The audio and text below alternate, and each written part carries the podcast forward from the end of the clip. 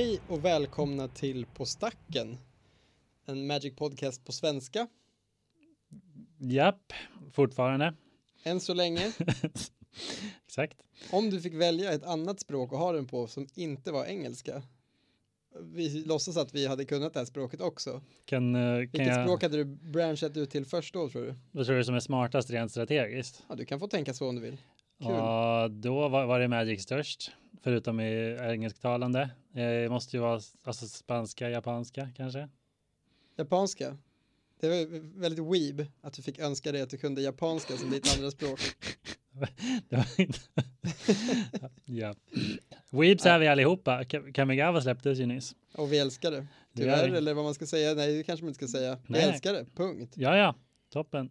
Och nu är vi alla weebs. Det har du rätt i. S- Så är det. Det har varit pre-release sen vi såg senast. Det, eh, det har bara varit en... eh, eh, Det fan, det jag inser nu, det, vi har hunnit spela in ett avsnitt sen pre-releasen. Ja, vi spelade in precis efter. Det, är täta Det har varit release. Det har varit release. Det har varit release och massa små event och sånt, men det har varit täta skott mellan poddarna. Japp, det Riktigt stämmer. kul att se. Det stämmer ju. Exakt. Ja, men Kanske- det stämmer. Vi, Kanske i alla fall delvis för att vi bor i samma stad för tillfället. Det spelar nog in, det tror jag verkligen. Det, det spelar in så vi kan spela. spela. Fan. Nej, förlåt. förlåt. Ja, Jag, kan, det var, gick inte att säga klart det för det var så dåligt. Eh, men så är det och det är väldigt kul och det här är avsnitt 22 av På stacken och här sitter vi, Harry och Edvard eh, och vi är minst lika taggade som vanligt. Pumpade av eh, Kamigawa, pumpade av lite kaffe. Och vi pumpade av sitter i semlor också. semlor det för är det är fett. fettisdagen. Ja, det är det. Det är det. En dag som är nästan lika högtidlig som en pre-release. En annan sak vi är pumpade av är våra kompisar som har hjälpt oss att göra den här eh, delar av den här podden. Så jag Mm. tänkte vi kan presentera dem. Eh, då har vi Ember Artworks som gjort våran textlogo. Vi har eh, Nick som har hjälpt oss att göra en fin omslagsbild. Vi har Mackan som eh, gjort våran balla jingel. Och eh, sist men inte minst har vi Tobbe som hjälper oss att ladda upp avsnitten så att det blir helt gratis. Det är Mhm. underbart. Det är det. Det är det. Vi gillar att spara pengar så vi kan köpa mer Magic-kort Ja. för de pengarna. Så är det. Jag Och, tänker på eh, en sak, vi är ju Spotify exclusive. Det Ja. kanske man inte vet, Men- vi är ju det, inte för då för att vi har värsta dealen med Spotify som betalar för något för podden, utan bara för att vi är dåliga och inte har lagt upp den någon annanstans. Det är nämligen ganska lätt egentligen, vi har bara inte tagit tag i det. Och det är inte gratis dock, apropå spara pengar. Är Det är inte gratis att använda Spotify, nej. Nej, nej, nej. Det är inte gratis att eh, ladda upp den på fler ställen. Jo, vissa av ställena, det är bara att man måste göra en separat, ja, det är en process för varje ställe. Mm. Men Maybe det- we, det- we det- should get on that. Men det finns ett sätt att ladda upp på alla ställen typ, och det kostar lite pengar. Det, det, det vet med, jag. Med det så vet one jag. click solution typ. Ja, exakt. Det, det, 100 vet, spänn- det, 100 det, i månaden. det vet jag. Ja. Eh, det jag skulle säga, säga med det var ju bara att eh, det vore ju, hade varit väldigt roligt om vi var Spotify, Spotify Exclusive. Så jag tänker, eh, ni får hjälpa oss och, och pusha den här podden så att eh, den blir tillräckligt stor. Så vi kan få ett sånt erbjudande av Spotify. Men precis, alltså det, åh, mm, så det är inte till nära, men jag tänker ändå att det kan ju finnas ett intresse att för Spotify ha liksom en palett av intressen, täcka alla baser. Ja, ja visst, jag såg en annan podd jag lyssnade på som heter Rollspelsklubben som är komiker som spelar rollspel. Den är jättestor, Ja, den populär. är väldigt stor och populär. Eh, den, men ändå ett smalt, alltså rollspel. Eh, Komiker är inte smalt, men rollspel är smalt. Eh, och den, har, den är Spotify exclusive. Den går Ja. bara i Spotify och de får väl någon slags ersättning för det. Japp. En annan podd, Joe Rogan. Mm. Den är, jag vet inte om folk har talas om den, den är ganska ny och lite smal så. Han fick ju typ eh, ett helt sanslöst kontrakt för att flytta hela Mm. Jag sin... vet, vet. Ja, det har varit sin- mycket prat om det. Ja, det är verkligen. Och, och eh, tänk en vacker dag kanske det är på stacken också. Men eh, det kommer inte bli det utan er lyssnare, för det är ni som betalar Spotifys feta, feta må månatliga inkomst. Mhm. Det tackar vi för. Mm. Så Det- att vi en dag kanske kan bli Spotify. Det här var ett jävla sidospår, men vi bjuder på det. Yes, så är det. Men vad händer, inte i ditt poddliv utan Magic-liv då? Ja, just det. Eh, nej, men på sistone så har det varit eh, butiksspel hemma i Eskilstuna. Jag tog en sån här riktig lirhelg för förra helgen. Ja. Eh, alltså helgen efter att eh, Kamigawa släpptes då. Ja. Eller efter pre-releasen. Åkte hem och lirade både Magic och Warhammer tills eh, ögonen höll på att trilla ur huvudet. Yes. Eh, så det var väldigt fint. Han med en draft, min första, det gick okej. Eh, vi körde så direktutslag så åkte ut i andra rundan. Men det. en, Var det populärt mycket- eller? Ja, absolut. Jag tycker att Så var det, Vi är på alltså folk. gränsen. Mm. Eh, ja men det var det verkligen. Det var mycket folk. Jag tror vi, ja det var det. Det var typ eh, 16-20 pers. Grymt. Men eh, det, de här direktutslagseventen, vi skulle verkligen behöva precis lite fler för att de skulle flyga riktigt bra. Okej, Lite fler och lite mer taggade liksom. right. Nu blir det typ en extra draft på kvällen tack vare dem, kanske två. Eh, det, men det är kul. Eh, men eh, ja, Nej, men det, det var roligt. Eh, åkte ut mot eh, en, en värdig motståndare i semi, eller vad man ska kalla det, andra omgången. Eh, men jag har också insett att många andra studerar, nu kommer jag, det här är verkligen en humble brag, men många andra pluggar ju faktiskt en del på limited-formaten. Alltså folk liksom sitter och pratar om saker, ja det här är det mest pickade kortet i sättet och den här eh, har eh, LSV sagt att den är väldigt bra och sånt där. Ja, Och då inser man att så här, fan jag är ju en jävla rookie som inte gör sånt här. Alltså man, har, det, man tappar säkert en hel del på det i draften, att man ska sitta liksom och försöka värdera själv och gissa och sånt. Ehm, och eh, jag säger inte att de inte hade spöat mig ändå, men, men jag tänker att så här, det där kanske man, ja, det där förlorar man nog en del på, att jag inte är en av dem som orkar liksom hålla mig insatt, eh, utan jag lirar det jag lirar och lär mig det jag lär mig liksom. och du har inte spelat så mycket arena heller. Ja, fram tills nyss hade jag inte gjort det alls. Okej. Eh, men om vi ska fortsätta då på Pokémon War Magic Leaf så har jag precis kommit igång med det. Eh, jag blev lite sugen, jag tyckte den grönvita enchantment-leken kändes väldigt stark så jag byggde ihop den. Mm. Hade tickets, eller vad säger jag, hade Wildcards. wildcards liggandes. Så jag slängde ihop den och den, ja den är väldigt stark. Jag tror att det är typ 80% winrate eller något sånt med den för mig just nu. Mm. Eh, och jag har inte kommit upp i höga brackets än så att det säger inte så mycket men ändå en, känns som en väldigt bra lek. Verkligen, jag har fått smära den. Jag har kört röd-svarta Anvil Artifacts Mm. på arena. Den Vilket har jag är, mött någon gång. ja, den är rätt kul, men den är jävligt dålig mot Trample. Uh, du vet, jag, en av styrkorna med leken är att den kämpar för evigt med de här tuckerna från Anvil. Uh, Ja, just det. Men den där jäkla älgen, uh, vad heter det, Kami of Remembrance eller vad den heter? Trample-gubben. Ja, när den får buffas upp med Michikos Rain of Truth och sen slå in för typ 10 Trample. Man bara, Trample lifelink ofta. ja, exakt med Rune of eh, den vita runen. Mm. Och då är det bara, ja, då sitter man och ifrågasätter sina livsval. Den är riktigt, riktigt stark. Eh, jag tycker det är kul, att den svarta kontrollleken känns som att den har en hygglig matchup. Den har mycket bra svar och vitsvarta eh, sacrifice-leken också. Ehm, så det finns några, några sätt att hantera den här. Den är ju, alltså du sätter ju, det är ju en klassisk lek som bygger lego. Ja, Ehm, så, så den är väl inte lika all in som aura-lekar brukar Den är bara vara. väldigt bra mot aggro.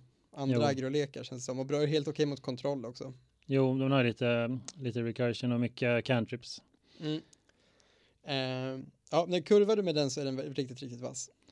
Eh, Japp. den, den faller lite på att den bara har ett riktigt bra ett-dropp skulle jag säga. Alltså att det är ett av problemen. Spiriten, den där lilla, Jag hade gärna haft något mer riktigt nice ett-dropp då. Ja. Tror jag. Om den Ja. leken ska få riktigt bra spin. Ja. Eh, så vi får se om det kommer något i framtida sätt. För Kamigawa är ju här för att stanna ett tag. Det är ett Så av de är första sätten i den här cykeln. Ja. Eh, så vi kommer ju få, få ha Kamigawa fram tills en bra bit in på nästa år. Oh ja. Oh ja, ja men kul. Ja, eh, jag vet inte, annars är det nog inte så mycket på gång. Jag har sålt av lite de sista delarna från min gamla Elementals-lek. Ja. Eh, åkte iväg nu. Ehm, köpt monoröd uh, burn, du pratade lite om förra Mm, avsnittet. Eh, eller förlåt, rödvit burn. Rödvit förstås. Ja. Eh, och eh, den var lite byggd på ett annat sätt än jag hade tänkt spela den, så jag tror jag tappade några games på det. Jag gillade inte. Den här varianten som jag köpte komplett hade Dragon's Rage Channeler och eh, bubblor.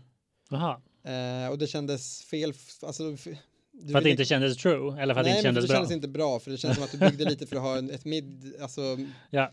du byggde lite för att komma in i midgame och då är bara inte den leken bra längre. Alltså det- antingen har du pressat motståndaren tillräckligt hårt för att kunna ha reach och döda dem, eller så förlorar du för att deras midgame är så jävla mycket bättre. Just och det. det. känns som att det, det, det är fel skal liksom för Dragon's Reach Channeler. Mm, mm. Det, det är inte det att du bygg, köpte leken för att kunna bli klar varje moddenrunda på fem minuter så du kan gå du vet, gå och ta en kaffe eller gå och jobba lite bokföring. Men det är en del av det, det är väldigt skönt. Det är väldigt skönt. Men, men eh, det är också bra eftersom jag inte spelar varje turnering längre är det en ganska bra lek för jag tänker om jag spelar den en till två gånger i månaden istället så är det en lek som ändå går ganska bra att lära sig i hyfsat snabbt och bli bra på. Ja, absolut. Eh, och det är en ganska rolig lek att ha i ett meta också. Jag brukar försöka tänka på sådana saker. Var därför jag tyckte det var tråkigt med Elementals för det blev mycket så här multicolor powerhouse-lekar i det metat. Ja. Roligt att gå någon annan väg. Så först hade jag monogrön aggro, den har jag kvar. Mm. Eh, och så har jag monoröd aggro nu då. Får vi se ifall, ifall den, den monogröna är fan, den hänger löst ska jag säga. Den är, känns inte het. monogrön ja. Eldrazi. Just det, just det. Eh, Eldrazi Stompy. Stomper, det är ändå en originell lek. Väldigt originell men det är bara inte så bra. Alltså endurance är väldigt bra, flera av gubbarna är väldigt bra men den kommer liksom inte riktigt hela vägen. Det är verkligen den tiden vi är i. Vilken är den bästa creature i din Eldrazi-lek? Ja, Endurance. Ja men lite faktiskt, faktiskt. Nej men det Ja, den känns inte, det känns också samma sak där, att det är bra kort, fel skal. Så, Ja. så det, jag, jag behöver nog förmodligen bygga, om jag ska vara riktigt nöjd just nu, jag borde förmodligen bygga typ eh, Hammer Time tycker jag ser skitroligt ut att spela. Eh, lagom, den är ganska komplex och ja, det är förmodligen bara mycket bättre än de lekarna jag håller på med, men gör typ samma också. sak. Mm. Så det, det är jag sugen på, men det är ett stort steg för då måste jag skaffa kort, bara kort jag inte redan har i princip. Aj då. Ja, det, det, det gör en lite osugen. Det svider. Eh, men det är mitt Magic-liv just nu. Japp, japp, japp, japp, japp, japp. Ja, eh, mitt Magic-liv har också varit ganska aktivt. Jag, eh, eh, jag vill egentligen mest prata om Elden Ring som alla andra nördar. Eh, och, jag, men jag har bara fått lira i några dagar, så jag hade ett Magic-liv innan eh, några dagar sedan då när spelet släpptes. Berätta mer om Magic-livet, Eh, inte om Elden Ring. Okej, okej. Jag måste starta en till nördpodd om alla andra grejer. Du och alla andra killar kan vara med i den. Alla Ja. andra spelkillar. Just det, det kanske vore något. Jag kan bjuda in en ny nörd varje, var, ja, whatever. Mm. Eh, ja, Magic, kul. Eh, jag har gjort lite av varje. Jag har draftat, jag har spelat lite standard på Arena, alltså. Jag har eh, fått spela lite IDH. Jag eh, bjöd in mig själv till en av våra lyssnare faktiskt. Ja, okej. Mm, till deras IDH-bord. Eh, för jag har ju gnällt förut över att jag inte har en eh, stabil eh, eh, playgroup i Stockholm. Just det. Eh, Så nu tog jag tag i det och faktiskt gjorde något så osvenskt som att skriva till någon och fråga om de ville leka. Ja. Mm. Så blev det. Så blev det. Jag har bara varit där en gång. Det är lite långt, eh, lite långt bort tunnelbanemässigt, men det Du var kul. Det, det är typ lika långt som att ta sig till Eskilstuna. För Ja, nästan, nästan. Men eh, det är smidigare, det är det ju. Eh, och billigare. Så, så var det. Så vi har hunnit köra en gång. Det var skoj, absolut. De kanske hade, och det kommer vi prata lite mer om sen kanske, men eh, de kanske hade Lite, lite- annan filosofi. lite mm, starkare och modernare ideolekar än vad jag har. Men eh, det är ju svårt att klandra någon för det. Eh, vi, vi har ju vår egen lilla, ja, vårt eget, vårt eget sätt att, spela som man kanske inte kan räkna med att andra eh, också delar. Eh, ja, men det var skoj ändå. Det var absolut eh, väldigt trevligt. Det lär bli igen. Annars, vad har hänt? Jo, min insamling som jag nämnde sist eh, avslutades när vi spelade in då idag. Eh, och igår, igår. Eh, och det var väl ändå en succé. Jag nådde upp till målet, eh, till Spelishjälpen. Man får, eh, ja, ni får kolla vår Insta-feed om ni undrar vad jag pratar om nu. Står lite mer där. Ja. Eh, men så det var nice och så då vet inte om det här hinner vara när, när, avsnittet är klippt så är det kanske redan för sent. Men söndagen den, vad blir det? Femte? Ja, Sjätte precis. Sjätte, mars. Sjätte. Eh, så kommer jag ha en livestream på Spelfaktoriets eh, Facebook där jag rippar alla mina price packs. Ja. Eh, och ni får gärna kolla, det kommer nog bli skoj. Yes, 46 stycken är det totalt va? Ja, inklusive collective boosters, några få. Och set boosters, väldigt mycket set boosters också. Mm. Så det ska nog bli nice. Eh, Ja, kul. ja, så det tycker jag, det, det ser, jag ser, bävar lite men mest ser jag väl fram emot det. Jag, ändå, jag vet ju typ vad jag gett mig in på. Annars, jag har mycket tankar om lekar också. Jag är lite inne på att typ sälja två av mina dammiga moddenlekar som inte håller måttet. Kanske bygga en ny, möjligtvis eh, Domain, eh, också Modern Horizons 2-lek, alltså Domain, Zoo, femfärgat, Sign of Draco och Kavu-leken. Ni vet kanske. Den, ni spelar modden så vet ni. Ja, exakt. Eh, så så kan det bli. Jag har också sålt, köpt mer kort som vanligt. Jag hjälper fortfarande vår kompis Dirk att sälja kort, så nu la jag ut hans kort på Card Market Eh, och då börjar det faktiskt rassla till, så jag sålt ganska mycket åt honom. Ja, kul. Eh, så det, det är han värd, den eh, gamla skojaren. Ja, visst. Eh, så det var väl eh, lite det. Just det, lite IDH-planer också. Jag var väldigt sugen på att bygga shrines för att det kommer ny, eh, massa nya shrines. Men sen så märkte jag att vänta lite, det vill ju alla andra också göra. Och då är det inte kul längre för jag är så hipster, du vet. Så nu vill jag inte bygga shrines längre. Nej. Eh, så nu ska jag istället bygga saga i Dion, grönvita sagas. För det har jag inte hört någon annan prata om. Nej, det är en bra idé. Ja. Saga i det, femfärgad saga i det vore också coolt, men det finns ingen Nej. femfärgad saga än. Och det är bara bättre med färre Jo, det gör det färger. visst det. Finns en femfärgad saga. Ja, det gör det, men den är ingen creature. Nej, just det, just det. Ja, det var också från nya ju. Det kam i år. Mm. Mm. Men det här är också från nya förstås. Uh, The Living Lore, hon uh, grönvit Saga Commander. Mm. Så det kommer bli skoj tror jag. Jag ska bygga om min grönvita. Jag har, med, har redan en monovit IDH så jag tänkte bygga om den till grönvita. Mm. Och jag har ju redan Replenish, Serra Sanctum och vad heter det? Academy. Academy Rector. Så att eh, ja, då är man ju good to go. Mer än de flesta. Så, Good eh, så det blir skoj. Eh, annars vet inte. Jo, kanske ska bygga om min aristocrat till monosvart för att göra den sämre. Eh, Rimligt. ja, med en annan, med en annan legend Vad var jag... det för legender den nu? Alltså legender har inte egentligen gjort så mycket, men det är bara att röd-svart är väldigt bra. Det var ehm, nej, det är den från Dominaria med Flash som tar upp alla creatures. Ja, ja, hon, ja. mm. Den är inte jättebra heller, men röd-svart är bra. Är bättre än monosvart. Men jag tänker att eh, monosvart är coolare. Eh, kommer fortfarande vara bra också. Framförallt för att jag måste köra, jag ska köra med Q-on Ogre Ascendant. Jag tror det, typ, det finns 24 stycken på Idiorek som har den som general. Så jag är så sjukt redo. Jävlar. Vad gör den? Eh, Det är en 2-4 för trippelsvart. Eh, som säger att at the end of turn, om tre creatures har dött så flippar den. En Från gamla Kamigawa med Japp, från Champions, ja. Och då gör den. Och då är den en enchantment som är en abyss, typ. Varje upkeep måste man offra en creature, alla. Det är coolt. Måste alla offra en creature i allas upkeep? Nej, varje upkeep måste den spelaren offra en creature. Ah, okay. jag också. Nice. Det är coolt. Och självklart jag själv också. Men det är ändå värt det. ja, ja. Jag gillar det. Bra, bra skit. Mm, Bra skit. det blir bra. Två lite enchantmentiga EDH. Tydligen, tydligen. Alla pratar om enchantments nu. Är standard där. Kan man göra. Och jag har sett flera som sagt bygger shrine. Jag- Många vill ju bygga enchantress IDH också. Um, så det, det lilla blir en del av den varan. Man kanske måste packa back to nature i sina IDH i main nu för tiden. Ja, det finns väl eh, många, många bra svar på enchantments, tack och lov. Så det, pack, men de behöver packas. Japp, så är det. Då så. Ja, eh, på tal om EDH så har vi ju som vanligt ett tema för avsnittet. Den här gången så tänkte vi prata lite om eh, varför power level i Commander eh, egentligen ska vara lägre än vad den tenderar att vara idag. Mhm, nu kommer de. Boomersarna in. Det gör vi verkligen. Japp, så EDH2 Electric Boogaloo. Eller nej, det är tre, EDH3 blir det. Vi har haft tre, två avsnitt innan va? Om... Det har vi. Det har vi. Och vi har ju pratat om det här förut. Jag vet att en del av vårt första avsnitt pratade vi om vad som var vår EDH-filosofi. Eh, Ja, och vi, eh, vi, vi, ville, vi ville verkligen kissa revir direkt. Ja, men då, det är en ganska Sätta ner del, vår flagga. viktig del av vår Magic-identitet. Att Oh, vi ja. har ett annat sätt att spela EDH på. Som jag tror vi säkert delar med många. Men, men som, eh, ja, det är väl något av en vattendelare i, i Magic-communityt. Mm. Eh, hur EDH bör spelas. The spirit of commander. Så, vi kör. Det gör vi. Ja, men precis. Som många vet och som vi har sagt förut och som jag nu säger igen så är ju då Commander, eller som vi kommer kalla det av och till här, IDH, eller Dragon Highlander, det mest populära formatet idag. Så brukar du säga Det ibland. och det kan säkert stämma. Det, det, det, det säger så. Och Watsy säger det också. ja. Eh, Så jag antar att eh, det stämmer. Alltså om man inte räknar köksbordsmagic som ett format, för då är nog det populärast. Jättesvårt att säga eh, vad som är populärast. Man, vad som liksom har lockar flest enskilda spelare så kan det absolut vara Commander. Så är det. Det, det, är, en, eh, det är ett väldigt trevligt sätt att eh, komma in i Magic på. Ja, eller, ja, det är ju tydligen det till, till Mark Rosewaters stora chock. Då. Alltså att det är, det är ett så komplext sätt att spela och det är så mycket som händer. Men ändå verkar folk fastna för det.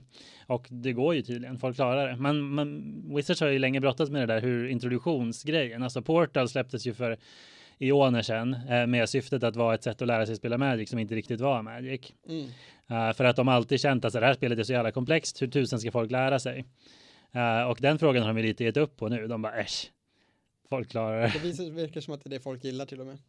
Ja. Och jag vet inte om jag skulle säga det. Jag tror, tycker absolut att det, är, det går inte att säga att det är det mest komplexa formatet. För i några av spelets viktigaste aspekter så är det inte det. Alltså några av de sakerna som gör Magic väldigt svårt är ju när du spelar en mot en. Mm. Alltså du har ingen hjälp från någon, du har, du är väldigt liksom, det är du mot motståndaren och det är väldigt många saker som spelar in och höjer komplexiteten i ett mot en, en mot en spelande. Det blir väldigt oförlåtande, så gör du st- stora spelmisstag så förlorar du ofta matchen och så vidare. Eh, draft är också ett otroligt komplicerat format där du liksom måste ta, själv ha en strategi med hur du bygger din lek. Många kommer i kontakt med det som ett av sina första format i Magic och det är, jätte, det är på många sätt jättesvårt. Oh ja, oh ja. Eh, och där den här kunskapen vid draftbordet kommer spela in väldigt mycket när du väl sätter dig och ska spela matcherna. Så då har du ett till liksom, nivå av komplexitet. ja. Och även om EDH eller Commander på pappret är väldigt komplext för det finns otroligt mycket kort, det är 100 kortslekar, det blir jättemärkliga board states för att matcherna tenderar att bli längre och folk spelar med konstigare kort. Så det är fortfarande så att du har en key component som de andra formaten inte har, nämligen tre motståndare. Jo. Som ofta inte är dina motståndare. För att det finns sällan något att tävla om EDH. Så Mm. det är helt naturligt att hjälpa varandra. Även eh, någon som håller på och vinner kan ibland få hjälpa varandra. Man säger oj, du kunde göra sådär eller något sånt. Mm. Ehm, det, det finns liksom en avslappnad stämning som gör att komplexiteten man kan helt enkelt bara visa ett av korten man har på handen och bara hur funkar det här? Det kan du inte göra när du sitter och spelar en turnering eller det är väldigt osannolikt att du kommer göra det. Ja. EDH fullt naturligt om du sitter och spelar din första match och har lånat en lek av någon. Jag fattar inte det här kortet, kan någon förklara för mig? Om, om du är ny, definitivt. Ja. Men det där beror ju på just eh, stämningen runt bordet, folks erfarenhetsnivå liksom och vilken bild man har av formatet. Och det det är är väl, väl likeliness att det händer i en modern turnering Ja, nej, nej, jämfört nej, med visst, en, eh, visst. eller hur? Ja, nej, men självklart. Självklart är det så. Och det är en av de viktigare grejerna som jag tror att gör att EDH känns eh, mindre svårt är för att man bryr sig mindre. Alltså, jag menar jämfört med en modern turnering. Eh, att om du kör one-on-one och framförallt i en turnering, då är du vill ju verkligen vinna. Det är ju hela grejen. Det är competitive liksom. Ja. Eh, om du går därifrån, det är klart att du kan gå ifrån en turnering med kanske du har gått 2-3 eller till och med 0-4 och ändå haft kul. Men alltså, det går inte att jämföra med när du går 4-0. Alltså, det är ju en helt annan, för, de, för alla normala människor. Eh, så är det ju så. Medan i Commander i IDH, då, jag, kan, jag kan lätt se framför mig att köra åtta matcher och inte vinna någon av dem och inte bry sig ett piss. Alltså det var ändå Nej, jättekul. det kan vara typ någon sekund precis när man förlorar som man är så här, oh fuck, jag fick inte göra den här grejen som jag satt upp för, eller fan, nu kommer den där personen vinna. Sådana känslor kan ju dyka upp för folk. Ja. Men, men det är så mycket annat och liksom att man Men- missar något, att man gör fel, är inte lika viktigt. Alltså, så, Chansen att man går hem och tänker på det är mindre. ja, exakt. Medan chansen och, efter en riktigt dålig modern turnering eller kanske en, ännu värre typ en, en riktigt dålig magic fest om du liksom har investerat i en Ja, resa och, och ja. spelat magic besvikelse. Eh, du står på en prisutdelning men fick inget av priserna. Så de- den känslan är ovanligare helt klart i Commander. Ja, definitivt. Men, och men det är just som du säger, det, det, det gör också det hela mer avslappnat även om det kanske då på pappret är mer komplext ibland. Precis, att spela, att spela perfekt i en hel IDH-match, det skulle jag säga är svårare än att spela perfekt i en standard eller modern match liksom. Det är det säkert. Men, men det spelar bara mindre roll. Mm. Oftast, och det är väl det som är grejen. För att man kan ju spela IDH och Commander då på så jäkla många olika sätt. Och det är väl det som vi kommer säkert fortsätta prata om. Mm. Alltså just att det är så, din filosofi, din inställning till formatet är så avgörande. Alltså du kan såklart spela modern eller standard med inställningen att säga jag tänker bygga en järnklek eller jag tänker bygga en budgetlek, jag skiter i. Och sen kriga dig fram till kanske 2-2 och vara riktigt nöjd med det. För Ja, att eller du, förlora alla men var glad för att du en gång gjorde ditt kombo i ett game. till och liksom. med, till och med. Verkligen, verkligen. Att du, precis, Eh, och det går ju, men det är ju inte så jättevanligt. Eh, Och det kanske inte är att rekommendera alltid. Det är ju inte så vi säljer in formaten. Nej, precis. Absolut inte. Medan det är så vi säljer in Commander ofta. Alltså Ja. att det är så man säger, vad är fördelen med det här formatet? Jo men här finns det en chans att göra din grej. Alltså här får du verkligen, du får, ja, vi har pratat om det här och jag tycker ni, ni ska gå tillbaka och lyssna på de avsnitten för att höra mer generellt snack om Commander på Mm, det sättet. ja. Men just den här grejen med att här får du göra din grej, här får du användning av kort i din samling, alltså coola rares som inte går att spela i de andra formaten. Ja. Nu kan du göra det. Ditt draftbös blir en potentiell EDH-lek. Mm. Och det gör det underbart. Det, det, det gör det roligare att öppna boosters, det gör det eh, roligare att, eh, att få liksom, eh, typ om du har en favorit creature type men som inte funkar i något format, ja men Mm. det är fan i Commander funkar den garanterat Mm. beroende på hur du spelar det. Mm. Mm. Och det är det som jag tycker det gör, det det, jag, så här, för mig, hela caset, för nu börjar jag glida in lite på, på ämnet för, för vårt eh, avsnitt, är att det finns ju någonting unikt med Commander, eller man kanske inte ska säga unikt, det, det går nog att uppnå med andra format också, men som inte, jag upplever aldrig uppnås med andra format i praktiken, men som uppnås hela tiden med Commander. Och det som är så dumt med när man skruvar upp powerleveln i Commander och gör det mer och mer strömlinjeformat och tvingar folk att spela bättre och bättre lekar för att kunna ha kul när de spelar med, Ja. är ju att man tar bort det som gör Commander unikt och häftigt och skapar bara ännu ett till format. Jag säger inte att man inte får göra det, Nej. men som jag har sagt i tidigare avsnitt, varför spelar man då inte bara modden? Mm. Eller något annat format? För det känns som att där möter du oftast, stöter du oftast på lekar som har en bra fighting chance eh, utan att liksom göra, utan att allt för mycket eh, mässa med någons förväntningar. Folk förväntar sig att möta den typen av lekar. Medan i, i Commander är det högt och lågt på ett annat sätt. Och då, Ja finns det i alla fall enligt mig väldigt många fördelar med att välja lite lägre. Och det är väl det vi ska, ska göra ett försök, en liten argumentation för, och lite så här var, varför vi ser det på det sättet. Mm.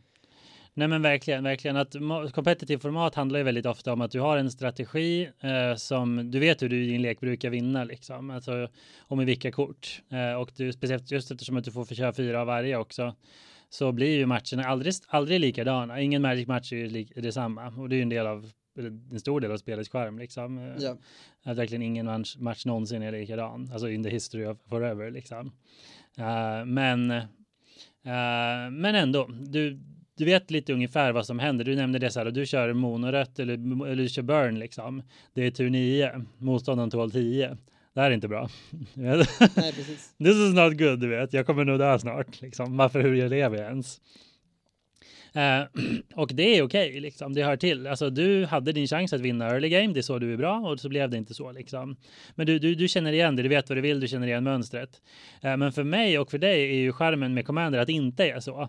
Alltså att du inte, allting det handlar bara om den här hur hittar jag vägen till vinsten? Alltså för det är det enda målet i competitive.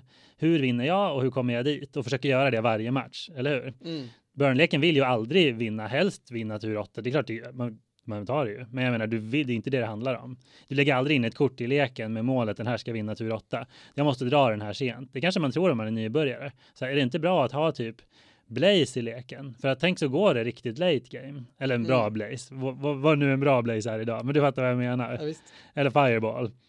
Tänk kanske en nybörjare tänker. Men säg om det är tur 10, jag möter en långsam lek. De tål väldigt mycket. Det räcker inte att toppdäcka Bolt. Då vill jag ju toppdäcka Fireball. Eller hur? Ja, men det är ju bara fel. För att den är katastrofal på starthanden. Ja, men precis. Men, men, men, du förstår vad jag menar liksom. Att det är det, och det är okej. Okay. Det är så competitive magic funkar. Du har väljer en strategi, du lär dig den svagheter och styrkor. Men i Commander så finns det ju så mycket annat som erbjuds. Så många andra glädjeämnen. Ja, verkligen. Och så verkligen. många andra vägar att ta sig från den ena rundan till den andra. Det är klart man vill vinna och sådär. Eh, men du kan ju inte förbereda dig på allt som man kanske kan låtsas i alla fall, försöka förbereda sig på det mesta eh, med en kompetitiv lek. Liksom. Och därför så tror ju att du och jag är överens om att man gör sig själv en otjänst om man behandlar Commander på samma sätt.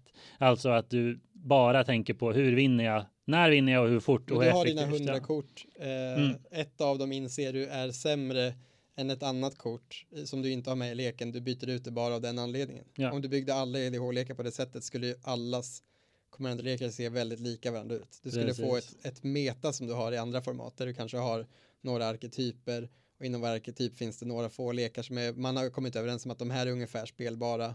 Mm. Du kan skilja dig lite från det på taste men ja, precis som i modern så kan du inte bygga en, en eh, vad vet jag, hippolek liksom. Det bara Nej. går inte. Du kan, du kan inte bestämma dig för jag ska bygga den bästa hippoleken och faktiskt spela och vinna matcher i modern. Det är inte en bra idé. Nej. Eh, och det är det förstås inte i competitive commander heller. Alltså om du skulle spela commander på samma sätt som du spelar modern så skulle det inte funka att åka runt på turneringen med din hippolek och tro att du ska vinna. Nej, precis, eh, precis. Men ändå så är liksom den stora, en av de stora dragningskrafterna commander att du kan bygga hippoleken. Ja. Och det är Eh, men varför är det så då om du ändå inte kan vinna? Jo, för att precis som du är inne på, det finns väldigt mycket andra måttstockar till vad som gör formatet roligt. Ja. Och så är det ju förstås med modden också. Men där får de måttstockarna inte samma utrymme. Det finns ju folk som bygger eh, en lek för att de älskar den och försöker ja. göra det så bra de kan. Eh, och, lek, och vissa av de lekarna kan till och med vara rätt bra men inte bäst. Och det, det, det spelar ju in i hur folk bygger sina lekar i alla format. Mm. Men i det som är så fantastiskt med, med Commander är att det inte betyder att du aldrig kommer vinna om andra spelar på ett liknande sätt.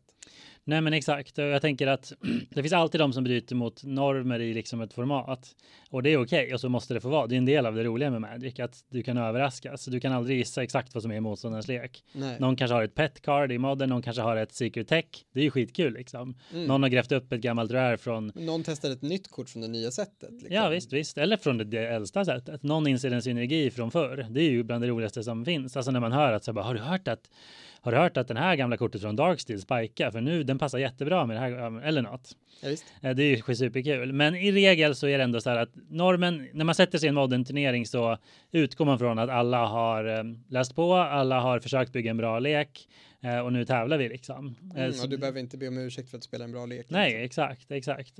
Och Men, men medan då kanske om du plötsligt åker till en i teorin skulle det kunna vara så att du åker till en helt annan stad eller något och plötsligt är det en helt annan stämning på modern-turneringen. Alla kör jank. Men då är det de som är konstiga och inte du. För normen och standarden, de behöver inte vara fel, de är säkert assköna, men det är ovanligt. Ja, precis. Förstår du vad jag menar liksom? Att, att i varje format, också, vilket du sätter det för att spela Magic i en viss kontext, i ett visst format, så finns det ju en förväntning. För vad är normen här liksom? Ja. Vad är det vanliga? Eh, och där när vi började spela IDH så såg den inte ut som idag. Och nu kommer ju boomer-klockorna liksom. Ja. Men jag tror det är det vi lite nuddar vid här. Och det behöver inte vara fel, men det är ändå värt att prata om hur liksom vad, jag vet själv inte svaret på det. Du är vid ett nytt commander table. Vad kan man vänta sig? Alltså, vad är standarden här? Är det folk som bygger kreativa, lustiga lekar med böset man hade hemma? Eller har de influerats av CIDH och EDH-rec liksom? Som visar på hur en strömlinjeformad lista ser ut. Hänger du med? Ja, men verkligen. Eller till exempel beroende på vilka du kommer igång och lär dig spela med. Någon säger jag vill bygga en eh, eh, blå lek på den här commandern. Kommer du få svaret, ja ah, kul. Eh, här har du lite tips på hur du kan spela den. Eller kommer du få svaret, den där commandern är inte så bra. Du borde testa den här Precis. commandern. Och redan där har du liksom en fork där det är så här choose your path. Ja, och vem du ska bli liksom i, i, som commanderspelare. Och där har vi ju aktivt kämpat liksom hemma i, i, i Eskilstuna-metat med att försöka hela tiden få alla att ta ett steg tillbaka, fundera på vad de vill få ut av sin commander-upplevelse och eh, ja, men, pratat väldigt mycket om så här, det här, eh, det här kortet kanske inte är så roligt. Vi tar typ ett, ja, men ett klassiskt kort som kanske avslutar matcher på ett tråkigt sätt. Eh, Torment of Hailfire. Mm. Du kör en monosvart lek, monosvart råkar vara väldigt bra på att dubbla sin mana så du kan få ganska snabbt få absurda mängder mana. ja men visst. Eh, visst I alla fall i visst. casual commander. Eh, ob- Ja. Obs, det här applicerar inte på CDH. När CDH så kör man inte monosvart alls. Nej, precis. Det är inte För kanske Krick, Son of Yawgmoth, möjligtvis. Vad vet vi? Ja. Men poängen är att eh, en eh, Torment of Hailfire kommer iväg på 20. Mm. Många spelare dör. Ja. Eh, ingen är nöjd. De andra, de som inte dör, gråter. ingenting kvar. What's left of them. Ja, men exakt. Och vad, vad är det som gör det roligt slash tråkigt? Den som spelar ut den kanske tyckte det var roligt. Det kanske den tyckte, jag vet inte. Va, va, vem som tycker det är superkul. Nej. Jag vet inte varför Putin invaderar Ryssland eller Ukraina heller. Men det händer. Och Ja. det, det liksom kommer förekomma och det är ingenting man kan, det är ingenting man varken ska banna eller bli av med i, i Magic. För det är ett spel, alla måste få göra sin grej. Ja, och det finns, Men ju- det finns kan- många styrkor med att ha en kort bandlista. Vi vill ju inte Oh, hamna i ja. en sits där vi, om vi skulle tio dubbla bandlistan. Alltså du och jag skulle nog ändå typ knappt påverkas.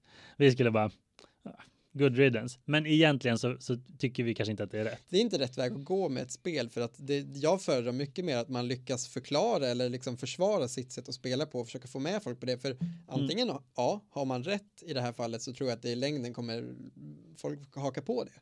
Har du fel, då är det väl lika bra att du får reda på det tids nog och själv börjar anpassa dig och kanske börja spela liksom hårdare lekar om det är det som behövs för att ha kul. Mm.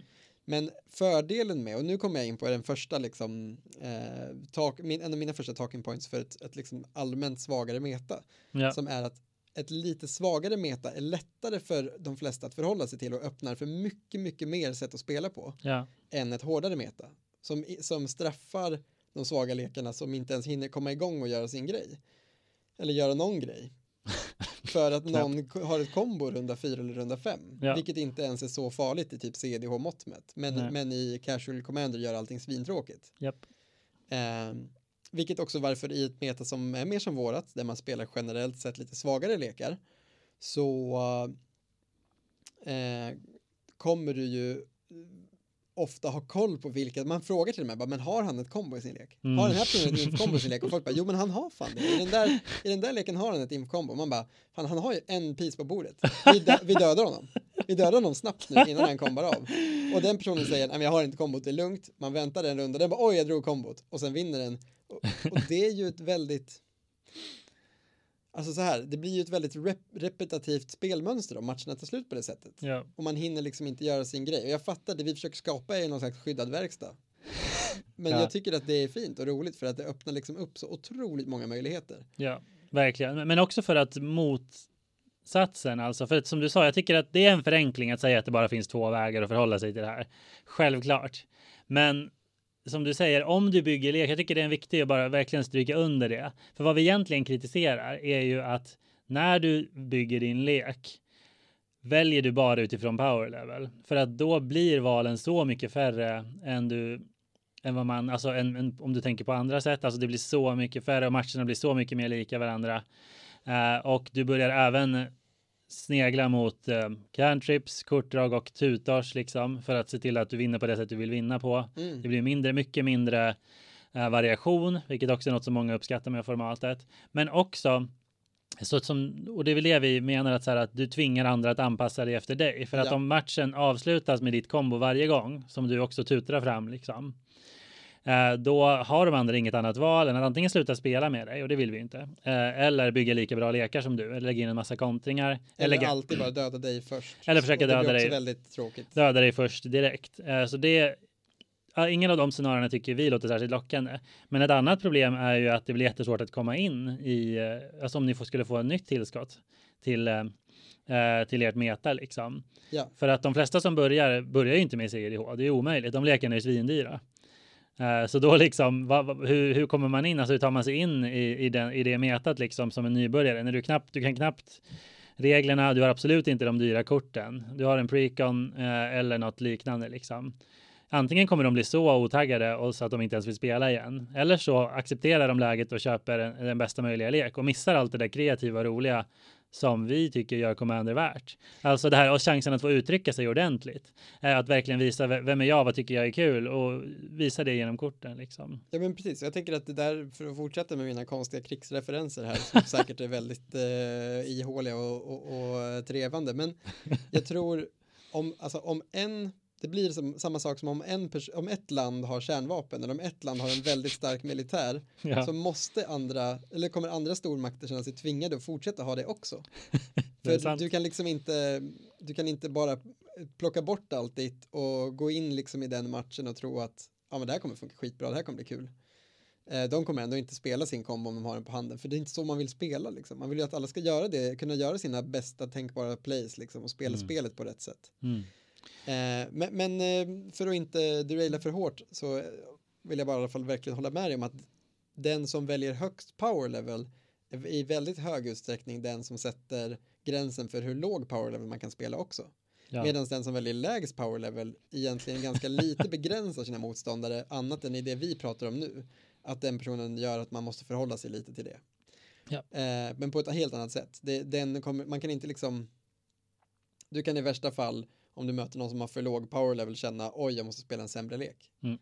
Och då kommer vi till, eh, till en, en till grej som jag tycker är kul med det här. Mm. Som är att om man är väldigt inbiten commanderspelare, att en sak man ju verkligen kan och enligt mig bör göra är ju att liksom tydligt för sig själv rangordna sina lekar i power level. Okay. För det är ofta vi möter nya spelare och jag märker att man behöver ställa frågan, men har du någon lek som är lite sämre? Och så mm. plockar de fram en lek som är lite sämre, men den är också fortfarande liksom på tok för bra eller, eller liksom inte riktigt det man menade. Och det är det jag menar så här, ja. det är så billigt, roligt och lätt att bygga de här lite sämre lekarna. Ja. Att bara ha två, tre sådana slivade också, lekar som egentligen är ganska usla. Ja, men när du väl träffar någon som har liksom ett precon eller som har byggt en sjukt tematisk lek men som inte är så stark. Mm då har du de lekarna redo och kan spela väldigt roliga EDH-matcher. För det, det, är någonting som jag tänker att vi ska komma tillbaka till. Ja. Att det faktiskt inte blir tråkigare att spela bara för att powerleveln är lite lägre. Den kan bli för låg, 100 procent.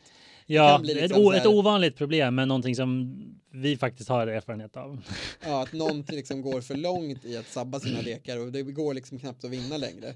Och det är klart att det inte blir skitroligt att spela då. Då spelar Nej. man ju något konstigt jag vet inte vad. Nej, Men någonstans däremellan finns det en sweet spot och det är den som är liksom våran heliga graal nästan, att lyckas hitta det här perfekta, där du kan hålla på med janky shit, men det är inte dåligt, det finns synergier, det finns bomber, det finns liksom sick plays att göra, det finns sjuk, det är då du får de här intensiva roliga EDH-matcherna mm. där det händer galna saker för att ingen bara ballar ur snabbt. Liksom. Nej, och om man ballar ur så går det att stoppa för att liksom de har, det finns en baksida av strategin också. Jag tänker de allra värsta, bästa eh, commanderna som håller på liksom i kombos, eh, de har ju också sånt jävla kortövertag hela tiden. Så att om man stoppar dem så har de en ny hand liksom. Alltså de kör massa kort som restockar stenhårt liksom.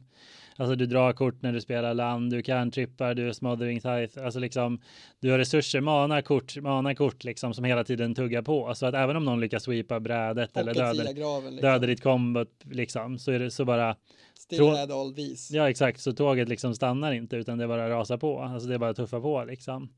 Eh, Medan då kanske någon av våra järnklekar liksom lyckas göra något ascoolt och kanske vinner. Jo, men hade de stoppat mig så hade det verkligen bara rasat ihop. Du vet. Det tar jättelång tid att komma tillbaks. Men, men, men just jag tänker att vi kanske ändå vill förtydliga lite så här, men hur kan man nå det här? då? För att det låter ju lite snävt och, och kanske man kan till och med liksom lite snofsigt eller elitistiskt till och med att sitta och prata om så här. Ja, men uh, this is this is how you should do it liksom. Så här gör man för att man kan anklaga oss för att det vi pratar om är lika avsmalnat eller liksom det följer lika hårda regler som CIDH gör.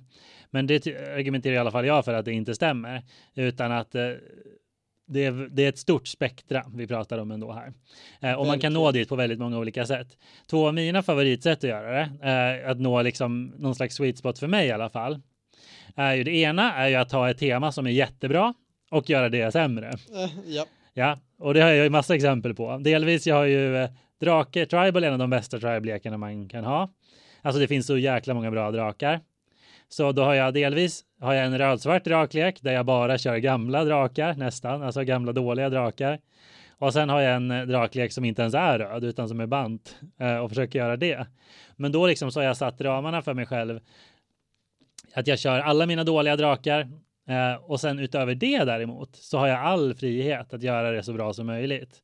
Mana, ramp, kortdrag. Alltså, ja, det är så jag ser det. temat. Det är så jag ser det. Exakt. inte, du lägger ju inte in ett random bandfärgat Nej, precis, förstås. precis. Det är exakt det jag menar. Så länge jag håller mig, temat är klart, begränsningen är klar, men utöver det så har jag alla möjligheter att skaffa nya kort, ta bort en, en rampspel mot en bättre rampspel, allt det här som man gör liksom.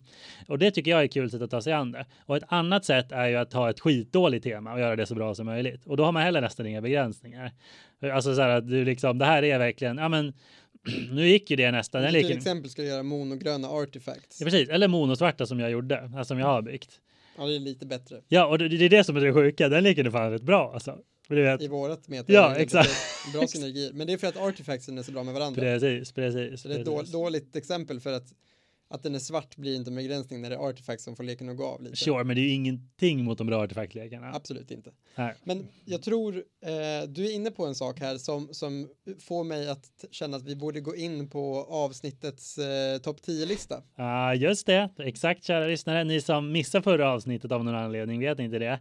Men vi har ju ett nytt återkommande segment. Yes, vi avbryter vårt huvudsegment för viktiga nyheter, nämligen en ny het, rykande färsk het lista eh, från mig och Harry. Exakt, topp 10. Någonting som är ofta relaterat till temat men inte alltid. Och det ska helst gå fort. Vi får se hur det går. Och vi kör. Yes! Den här gången är det topp 10 oönskade commanders Av oss. av oss. Så vi, commanders som vi säger, vi fnyser om någon lägger fram. Commanders som vi säger, är resten av leken dålig så är det okej. Det, tänk, annars kan det gå. det tänker vi i alla fall. Vi sätter det vid ett table, någon lägger fram någon av de här, då kommer vi säga, Ja, och det här är bara 10 av dem. ja, Det finns fler. Uh, så, sådana är vi. Och det här blir ju passande för att det här illustrerar ju vad vi tycker gör en commander tråkig. Uh, för att de, av de anledningar som vi kommer berätta. Ja, helt men jag enkelt. tänker vi, vi sätter igång bara. Japp, japp. Kan du kan du listan här? Har du gjort i ordning den? På tionde plats, jag vet inte, alltså det, den här eh, grejen med våra korta listor, vi lägger också ganska lite tid på att göra dem kan jag väl ett korset och säga.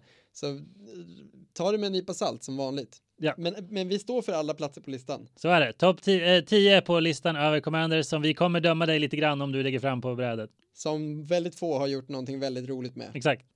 Nummer 10, Muldrota.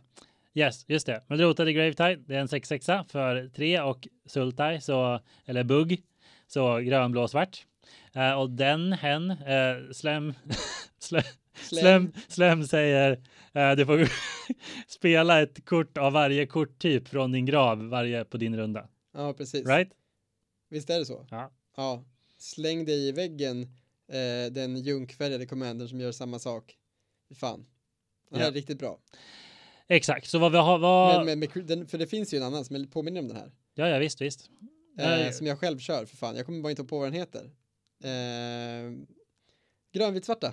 Ja, ja, ja. Som ja, blir ja. billigare för varje creature i graven. Också väldigt tråkig. Det här Ja, är bara den på crack. Precis. Och vad är det som gör den här så tråkig då? Jo, det första är ju att den delvis eh, så är den bara så sjukt efficient. Alltså det kostar inget extra. Alltså du får bara kasta korten, du får bara spela korten från graven. Du upp, det är ingen uppoffring, de bara ligger där. Så och vare sig du byggt leken runt det eller inte, så har du så länge du har kort i graven så har du free value här.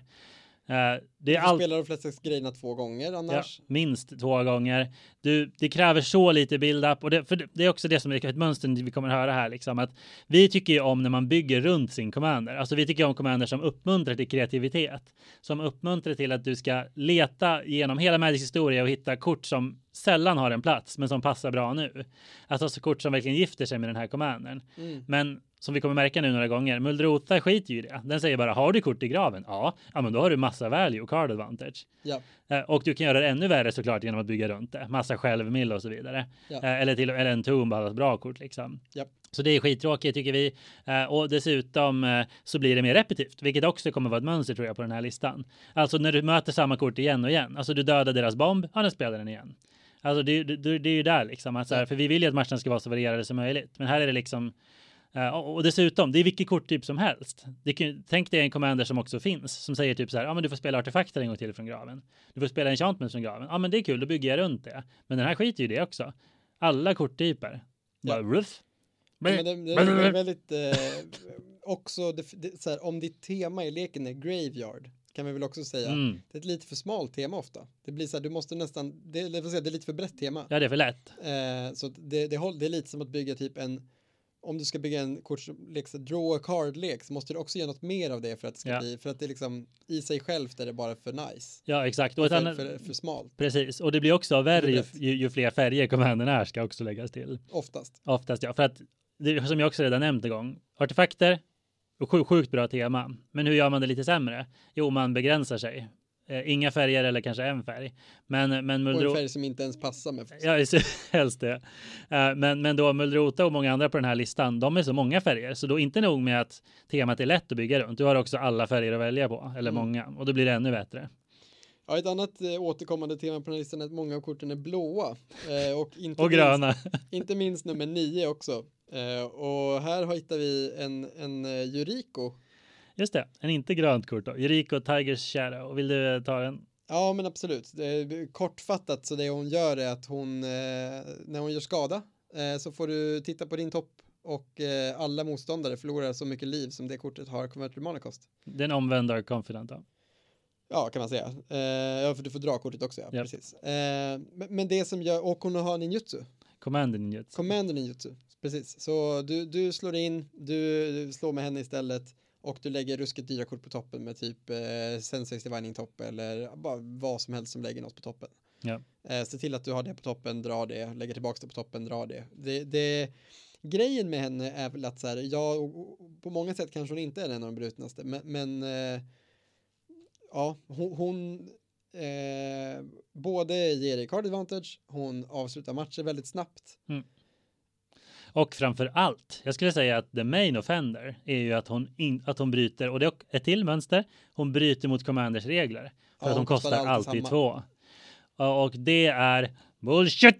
Alltså du vet, reglerna finns av en anledning. Och det här är saker vi har nämnt fast i helt andra sammanhang med Magic. Att vi gillar inte när saker bryter mot Color Pie och gör det för bra. Alltså det, det känns inte bra. Liksom. Nej, man ska behöva kämpa lite. Eh, Man ska behöva följa reglerna lite. Men Yuriko skiter i det för att hon, commanden i Njutsu betyder att hon, så länge du attackerar med en creature som inte blockas, så kostar hon alltid två mana. Hela tiden. Alltid bara två. Du kan döda henne, du kan exila henne, whatever. Bara två. Och det är så provocerande. För att det har man ju lärt sig i Commander. Okej, men motståndaren kör en jätte till exempel Muldrota då. Ja, men den kostar ändå sex. Vi dödar den. Nu kostar den åtta, tio, tio. Det börjar bli jävligt saftigt. Men den här Och så skit, skiter i.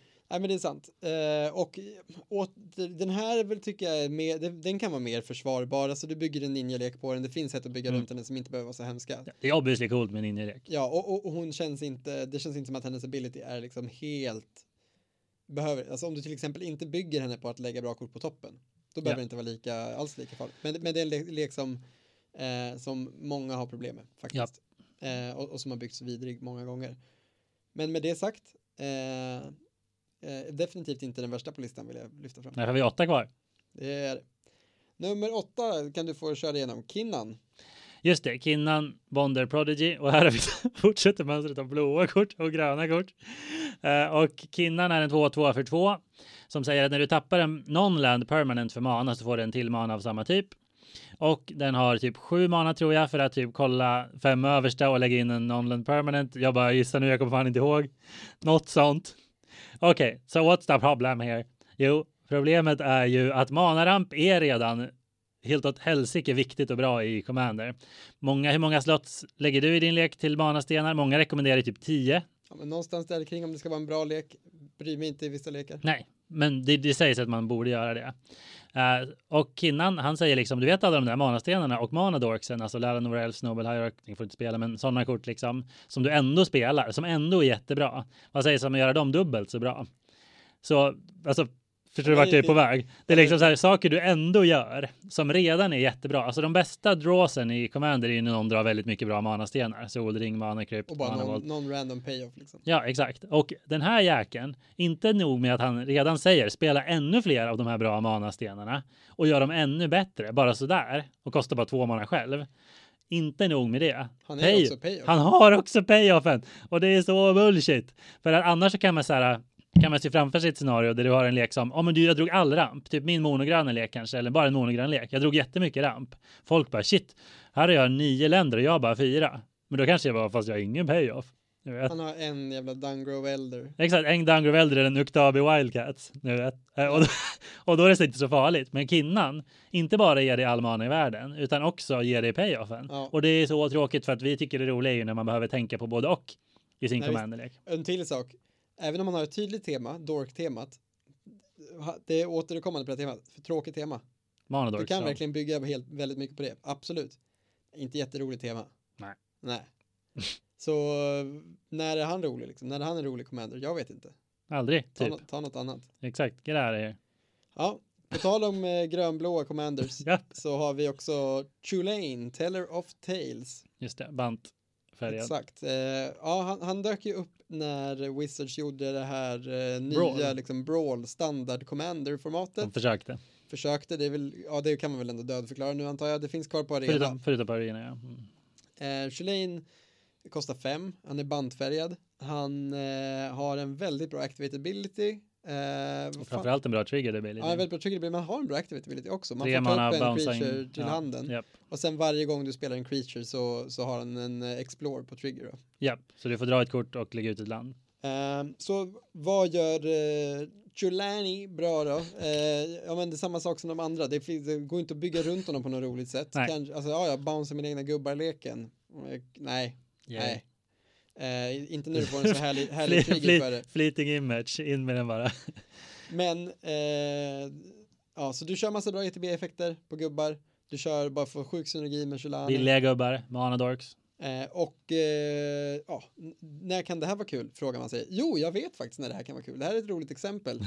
Eh, en kompis har eh, lite randomly byggt en lek som heter Investigator EDH på den här leken. Just det. Som har väldigt heavy så Lovecraft Investigator tema. Ja. Alltså ett tema, och här har vi exempel på hur folk kan spalla ur ibland. Eh, för det har ingenting med kortet i sig att göra. Utan Nej. det är bara en person som har sett så här, det här är en rolig idé jag vill göra. Mm av någon anledning blev det Shulani som blev eh, commander. Det, det, finns ju ingen Sherlock Holmes commander. Alltså, jo, det finns typ en nu eh, som inte fanns då, typ en blå och svart som heter typ som håller på med clues. Ja, nej men hans, eh, det, han vill ju ha något som bara, den han behöver bara ha något randomly för han skiter i arten. Den, men den behöver vara, det är jättebra för det. Jag, jag kan måste försvara honom där. Alltså grönvit blå maker sense. Det är ja, många den, viktiga kort som har med clues att göra. Verkligen. Eh, och, och det känns också kanske som den bant är den liksom trefärgen som bäst passar in i att vara kanske protagonisterna i en Lovecraft-historia. Mm. Eh, och eh, han har ju också gjort ett extremt ambitiöst jobb med att eh, alt-arta den här gubben så att den istället passar in mycket bättre i hans lek. Väldigt roligt. Men han har liksom målat om den så den ser ut som en, en gammal professor på Miskatonic University. Japp, så det är Arkham Horror-leken. Ja, det är hans, hans take på Arkham Horror-leken. Och i det här fallet känns det okej. Okay. Jag skulle säga att Shulan är inte ens så bra i leken. Nej. Leken har liksom inte byggd riktigt runt wingcons men den har lite random wingcons. Det här går nästan in i att vara för dålig. Förlåt Nick. Men, men, men, men den här eh, går in, kvalar in i en av lekarna så kanske inte, men, men gör, då, kanske, då kan man få ta en bra commander. Om Ja. leken ändå ser shit, ta vilken commander ni vill. Faktiskt. Så, då- och, och, och det, kan- det kan också kanske passa på att säga det nu. Alltså bara för att vara lite mera, ja men bara försöka vara lite trevligare. Att det, det går att bygga alla de här lekarna okej och roliga. Men vi tror bara att det är svårt för att de uppmuntrar inte det. Så Nej. du måste tänka jävligt outside the box. Men vi kommer bli väldigt glada när vi märker att vi hade fel om vem du var när du spelar en sån här commander Ja. och inte gör ett jävla skit. Lite så. Ja, jag tänker faktiskt ta nästa också, sen Kör, får du kör, komma kör. tillbaka. För nästa är väldigt lik Shulane faktiskt. Det Den är är också grönblå. grönblå AC, Tyrant of Gyre Strait. Just det. Och eh, jag får faktiskt krypa till korset här och erkänna att ja, det här har jag en lek på. Ja, just det. Nej. Eh, ni som är trogna lyssnare till podden vet att jag till slut kuvade in till Wizards tendens att göra Serpents och olika liksom sjömonster i Magic grönblåa Istället för blåsvarta. istället för blåsvarta. Så då tänkte jag jag ska bygga en sån lek. Och det fanns inte jättemånga roliga commanders. Jag valde den här. Jag Mm. kan konstatera att den är för bra. Ja. Vad, vad gör den då? Ja, det är en, jag tror en 6-6 för 6. Så men- kan vara 5-5. Men ja, ja. Det, det är en, en ri- rimlig kropp, men det är inte det som är grejen. Utan du får ett extra land drop Mm. varje runda och Mm. varje gång du spelar ett land så får du ett kort. Ja. Så eh, ja, han ballar ur. Ja. Alltså tillsammans med andra sådana spela extra, alltså ett av Gröns bästa grejer är att få spela extra länder. Ja. Och har du en commander som har en payoff på det så är det klart att det blir svinbra. Precis. Alltså igen, alltså mana dorks, ramp, kortdrag. Ja, men Det, är- du vet, det är, det är väl treenigheten vad som, alla, som är det viktigaste och bästa i Commander. Jag kan välja på egentligen en till riktigt rimlig commander till den här leken. Och det är Koma. Den är inte också- mycket roligare. den är också riktigt skogstokig, äcklig mm. grönblå. Jag vet inte ens vilken som är värst. Kanske Koma. Ja. Eh, och grejen med båda är att de inte liksom supportar temat riktigt. Alltså de supportar inte temat på att vara en sån här sjö och djurslek. Eh, det är inga lords på något sätt riktigt. Jo, Koma har lord-tendenser. Mm. Den är väldigt tråkig. Eh, Men AC har ännu mindre lore-tendenser får jag väl erkänna. Så kanske bara borde byta till Koma, vad vet jag. Ingen kommer bli gladare för det kan jag säga. Och eh, problemet med AC är bara att den är för straight forward, bara gör en bra grej, inte rolig. Nej, exakt. Den gör det som du ändå vill göra bättre. Alltså dra kort och spela länder. Alla vet att det är bra. Det är, inte, det, det, det är bara jättebra. Alla vill göra det. Alla måste göra det. Och det är väldigt okreativt. Det gör det så effektivt så du behöver knappt någon support. Och om du har support, alltså typ Exploration, Azusa, ja då, då ballar det fullständigt. Bludgeoning. Burgeoning, precis, precis. Uh, bludgeoning, det skulle, det skulle nog vara Det rött som ett rött kort. det skulle vara ett- enchantment som gör något bonk, wack. som bonkar folk. Det, vi kanske borde bygga den. Att när mot, det kortet menar jag kanske borde finnas som ett svar på burgeoning. Att om motståndaren spelar mer än ett land, du vet, om man försöker rampa, så bonkar ta upp så. ett land. Eller ta typ fem i skada. Eller. Bonk. Ja. ja, ja, Ja, det förtjänar han. Han förtjänar en bonk helt enkelt. Ja, Eh, och det bonk, gör du bonk. också om du spelar. jag ber om ursäkt till alla. Det är ingen som gillar den här leken. Och eh, jag förstår precis varför. Jag, jag ska ta tag i det på något sätt. Jag tror faktiskt att jag precis har köpt en eh, Tropical Island till den dock. Så jag måste ta tag i det på något seriöst sätt. Men du har så dåliga fiskare i den leken så jag tänker att det är hyfsat okej. Ja, kanske. Vi får se. Något måste hända, annars kommer jag få eh, stryk av Kasper snart.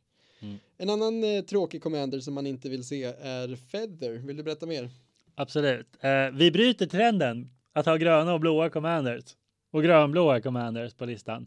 På femte plats har vi en, en rödvit, vilket enligt många är typ den sämsta kombinationen om man tänker power level. Men om du ska göra det. Så kan du göra det med den här då, fjädern. Eh, Feather är då en ängel, en 3-4 flying för 3. Det är väl en röd och två vita va? Ja, något sånt. Ja, exakt. Något sånt.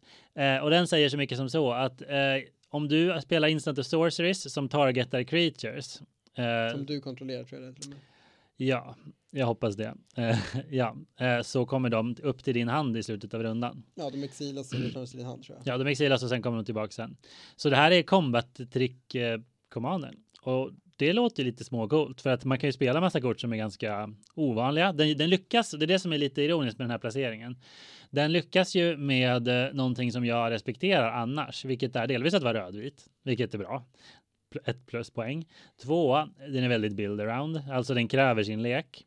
Alltså, och tre, du får gräva upp gamla old border kort som du inte trodde du skulle få spela igen. Ja, alltså, precis, som ger plus och draw card. Exakt, exakt. Så all good. Men hur, hur kul är det då? För vad som händer är att du bygger lego på den här gubben, du lägger plus counters, lägger lifelink, du håller på. Det är en commander som vinner på commander damage för du vill, behöver vill helst knappt ha andra creatures ute. Du behöver inte.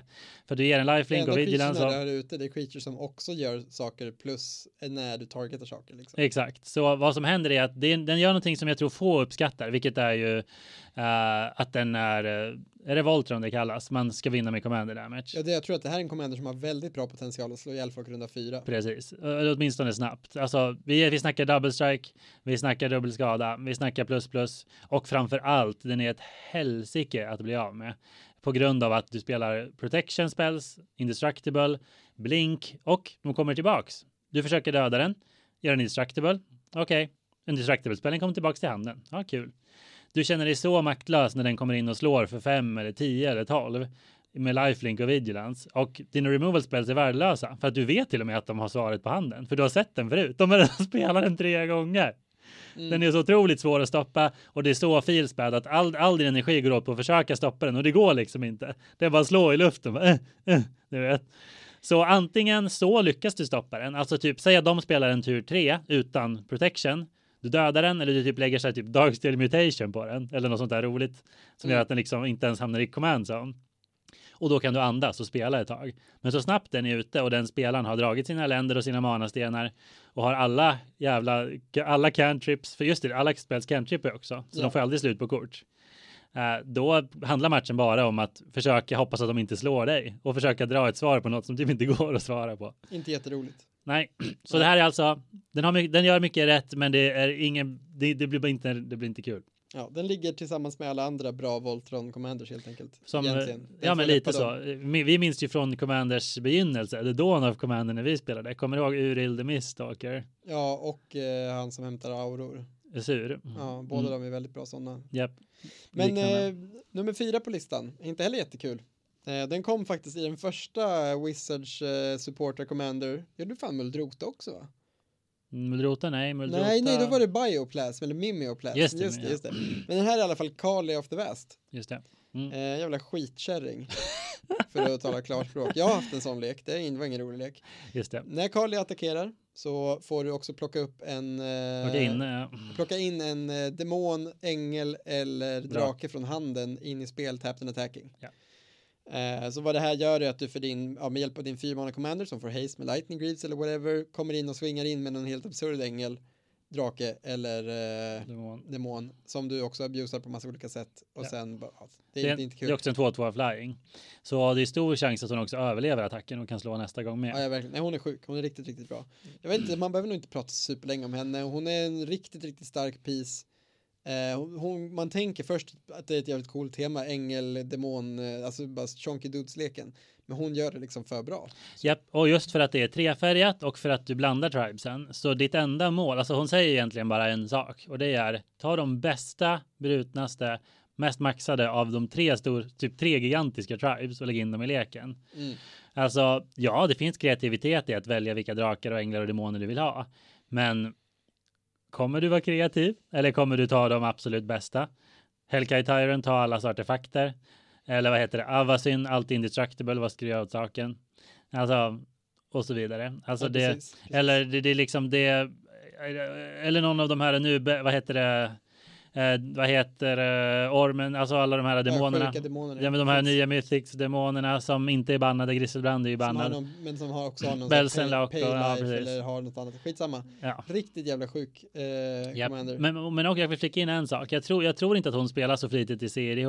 Nej, nej, nej. Eh, och det, om ni inte redan märkt det, så den här listan är ju saker vi stör oss på för att vi möter de här korten. Vi vet ju att de bästa commandersen överhuvudtaget, det är ju till exempel Timna the Weaver och Traxios. Alltså de här med partner eh, ja. som ger massa kortövertag och som bara kostar 3-2 mana. Ja. Men de möter inte vi så ofta och om vi möter dem så är den leken inte byggd för att maximera det. För de CDH-lekarna, de har ju fem gratis kontringar alla dyra manastenar. Så vi pratar inte om det. Det vill bara för att förtydliga det liksom. Nej, precis. Det här är kort man faktiskt möter ofta. Som vi faktiskt möter ofta. Ja, man, man möter om man inte spelar CDH. Ja, det är liksom snäppet under CDH. En CDH-spelare skrattar oss i ansiktet när vi säger att AC, Tyrant och Gyre Straight är bra. De bara sex mana. Ja, exakt. Get out of here. Verkligen. Ja. Eh, Nummer tre på listan, en annan eh, riktig satkärring. Ja. Atraxa. Just det. Och den till grönblå. Ja. Men också mycket annat. Verkligen. Eh, Proliferate-generalen helt enkelt. Det är Mm. inte, ja vad ska man säga, Planeswalkers och Atraxa, inte kul. Eh, hon, hon ballar ur. Hon, hon, du får proliferata två gånger i slutet på varje runda, är det va? En gång bara, men... En gång, okej. Okay. Ja, fan då... Det du bara, varför är hon här? Det är äckligt. Ja, också för att den är hyper efficient i att det är en 4-4 med flying, vigilance, death touch, och som bara kostar 4. Så den är otroligt pushad. Uh, fyr, alltså det är en väldigt bra kropp för, för pengarna. Det kostar ingenting extra att få den där proliferaten. Det är inte typ en activated ability, att du typ diska kort för att få göra det. Nej. Utan du får det gratis varje runda och det är end step, vilket jag tycker är en riktigt viktig detalj.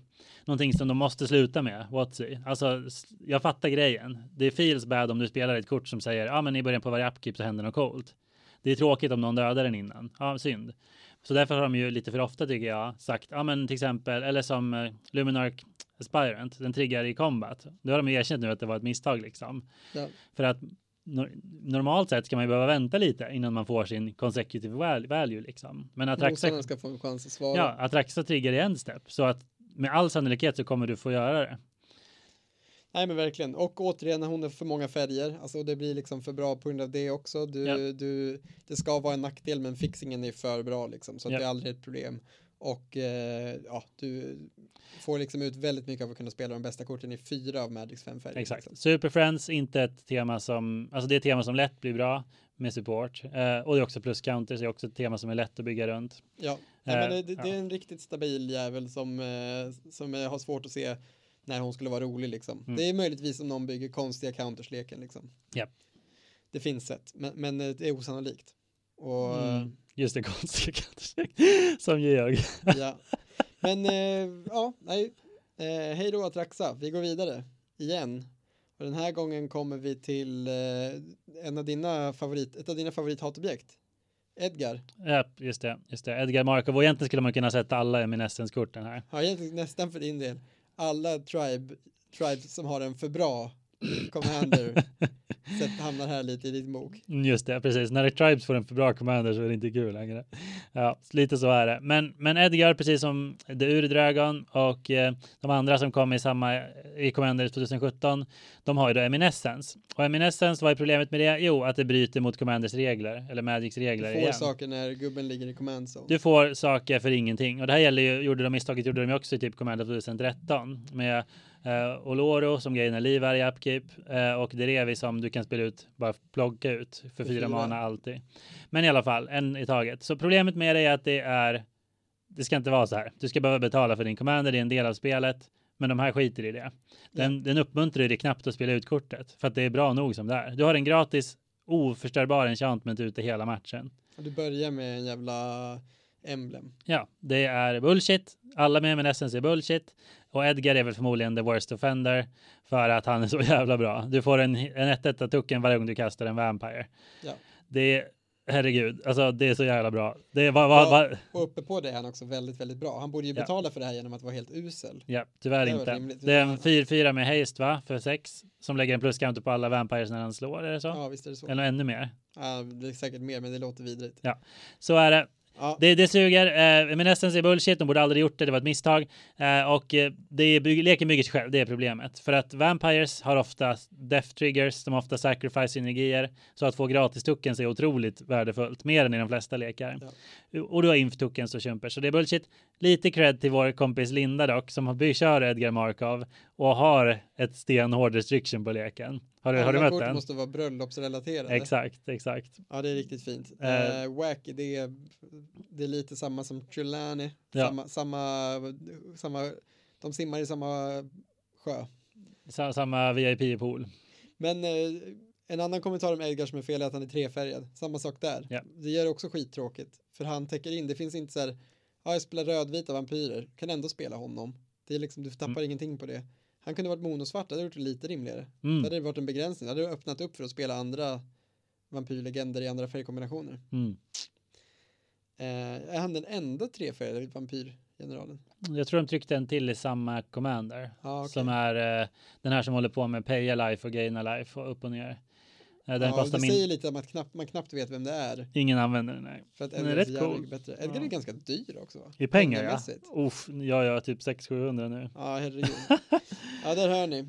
Någon som inte är så dyr men som är eh, riktigt, riktigt tråkig och äcklig är ju ettan på den här listan. Ja, ettan. Vill, vill, vill folk vi ge folk en, några sekunder och gissa? Jag tror inte de kommer ta den. Så enkelt är det inte. Det finns många som skulle kunna platsa in. Alla har väl sina egna pet hate objects. Det Men, är eh, Arkade Savot. Nej. ja, Nej. en gång i tiden var han en älg.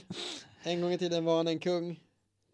Pratar om Okos hatobjekt. Eh. Kenrith, Japp, the exakt. returned king. Ja, precis, precis. Return of the, the, the, där Aragorn innan Aragorn kommer ut som ett faktiskt kort sen. Eh, ja, vad ska man säga? Kendriff the Return King, det är en 5-5 för fyra och en vit. Eh, och den har en hög med activated abilities. 5-5 är den också. Eh, och den säger typ, oh, I can't even start, typ en röd för det är allt haste. Två, en och, Ja, haste haste och trample förmodligen.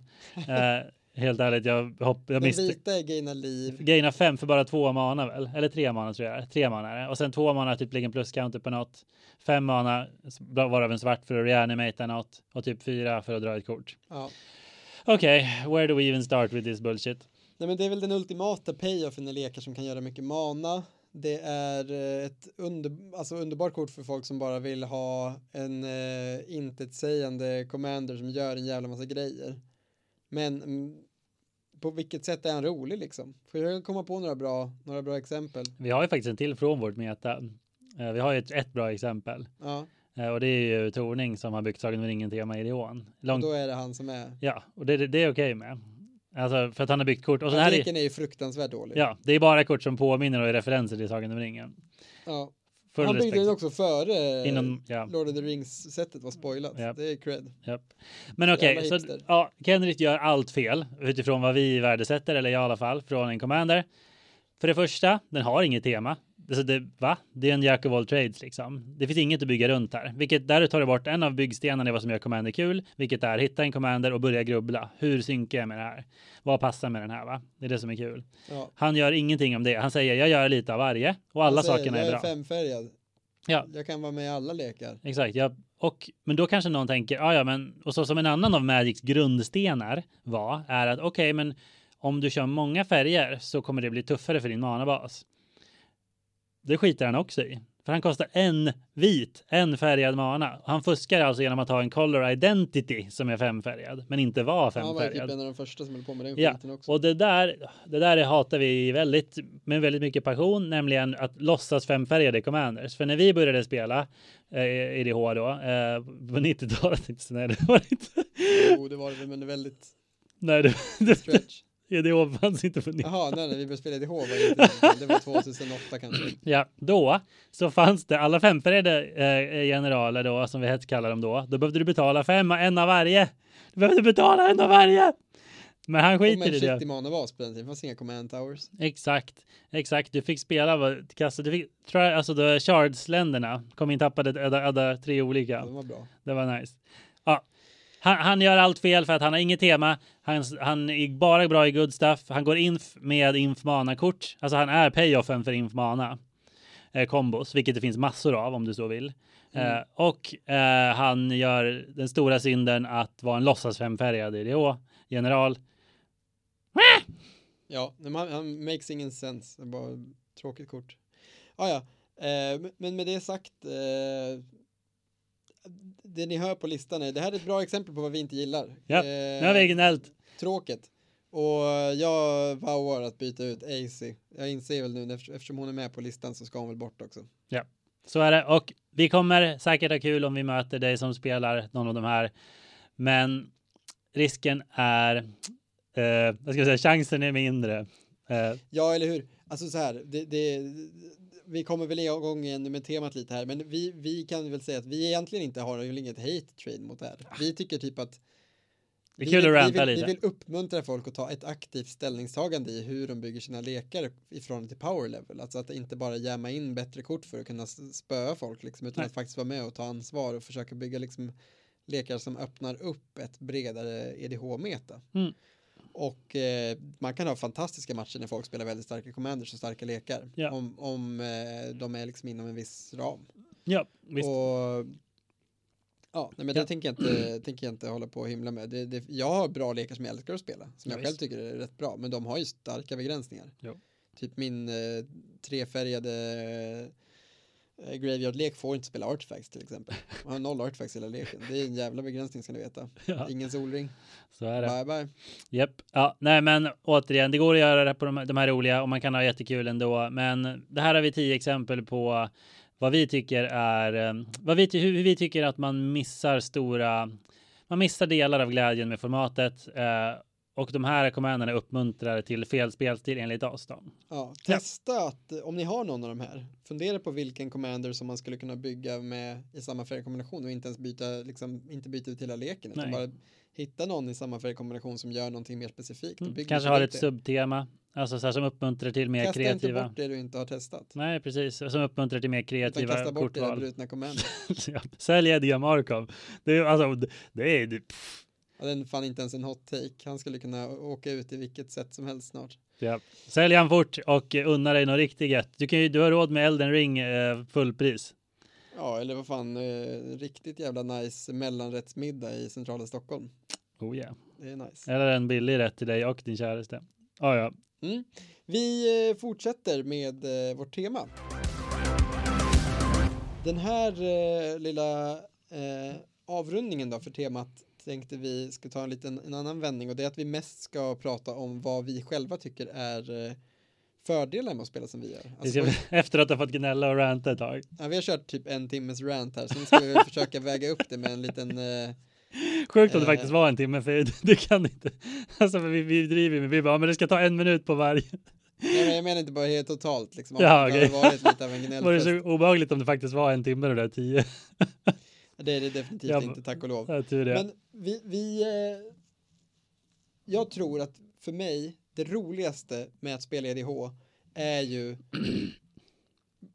två, två olika saker. Ett, de unika och spännande board statesen och de kan jag tänka mig att man kan få på väldigt många olika power levels faktiskt. Sure. De, de är nog inte liksom unika, även om eh, de, de lite liksom svagare power levelsen öppnar upp för väldigt många fler kort så det blir ännu större chans att du hamnar i wack konstig board states. Mm. Det, det är det ena och det andra för mig är ju när du får se och spela med kort som aldrig ser spel annars. Exakt. Och det är ju liksom eh, den här reject-festen som du kan hamna i. Eh, med draft chaff som, som har liksom pallplatser i en lek. För man bara, det är så otroligt gjutet att spela det här i min lek för den har det här temat. Mm. Och där tycker jag verkligen, ja men typ om du går all in och bygger en landpajlek så kommer du få spela en del riktigt shit i kort också. Eh, om, faktiskt. Jo, fast, Eh. fast det är ett tema som ingen gillar. Fast det är teman som jag gillar. Om du ska göra det bra och på vårt sätt då ska du göra det med en del väldigt dåliga landpajkort bland annat och sånt. Ja. Eh, och, och då kommer du få se kort som du kanske aldrig har sett förut, framförallt för nya spelare att få se sådana kort. Man bara what the fuck, vad är det här? Bara, det är en eh, gammal goblin från Kamigawa, för deras tema var typ lite landpajigt. Alltså Kamigawa goblinsen hade en del sådana. Ja, tänker på Eh. Sosu. Ja, Soso, Eki Eki eller vad den heter, lite sån, det finns någon mer. Just det. Skitsamma. Eh, poängen är, du får liksom upptäcka delar av Magic som inte kommer, det är typ Chaos Draft du kan stöta på de korten. annars. Ja, Eller någons gamla perm. ja, Men här är faktiskt ett, ett sätt du kan få, få upptäcka väldigt, väldigt, en väldigt bred eh, Magic-upplevelse. just det. Och det skulle jag säga är den största styrkan i det här formatet. Alltså att det verkligen, man blir verkligen glad när man får spela Magic-matcher med massa konstiga whack-kort i. Mm. Precis, och det där har jag tänkt lite på för att jag... Alltså för mig är ju det också, det, det ger ju mig så mycket att liksom spela ut eh, gamla lustiga kort, helst i extremt dyra old border foil varianter. Men eh, det får man ändå dock respektera att den glädjen är ju eh, har ju att göra med att just du och jag och våra kompisar har spelat så jäkla länge så att vi har fina nostalgiska minnen kring de korten. Men det är inte, eller hur? Alltså det får man ändå erkänna att det har lite med det att göra. Ja. Eh, men det är inte bara det. Eh, för att jag tänker att alla personer som spelat Magic bara i ett år har ju hunnit få relationer till kort. Alltså antingen att man fick några av sin morbror någon gång och det var så man började och man har inte fått använda dem. Eller att man hade en rolig draft för ett halvår sedan och pickade ett kort, du vet. Ja, visst. Eh. Det bara det, du kanske bara verkligen gillade ett kort från ett sätt. Du kanske till och med trodde att det skulle bli bra i standard eller modern. Det blev aldrig det. Men tror fan att det kan ha en plats i någon EDH-lek liksom. Ja, visst. Och det är Ja, det som är exakt. grejen. Spelar du liksom EDH på en för hög power level och börjar se korten bara utifrån hur bra de är i det i den kontexten. Mm. Då Och det är en kontext som då är väldigt avsmalnad. Där temat är väldigt generiskt och bara handlar om att vinna och komma loss och så. Ja, precis. Ja. Då, kommer du då kommer det här vara mycket, mycket mer begränsat. Medan när du tar några steg ner på pinnen, du behöver inte ens gå jättelångt ner i power level för att det helt ska gå från sig några tusen spelbara kort till att helt plötsligt vara uppe i att det kanske, ja men ni fattar, det är sjukt många kort. Helt plötsligt blir åtminstone alla kort som har sett spel i modern bra nog. Helt plötsligt blir alla kort som någon gång har sett spel i standard förmodligen bra nog. Och så vidare och så vidare. Och du, så här, för varje steg du tar ner på power level stegen, det enda du låser ut är ju rätt, är fel kombination av de för starka korten. Mm. Du kan till och med fortsätta spela de starkaste korten som gör de brutnaste CDH-lekarna bäst. Om du spelar dem i en lek som inte kan använda dem för att bli så där strömlinjeformade och effektiva. Just det. Så säg liksom, ja men ta ett Senseis Divining Top, ett sjukt bra kort. Mm. Men i en medioker lek så är det ju bara ett random kort. Alltså det, då är det inte så farligt. Det kan till och med vara ett bra kort i en medioker lek men det kommer inte vara liksom för bra. Och, och jag tror verkligen det är samma med väldigt många kort att det är bara i en kontext de är för bra. Så man kan inte ens anklaga våra sätt att spela på för att vara för begränsande. Det enda du inte kan göra är att bygga för bra lekar.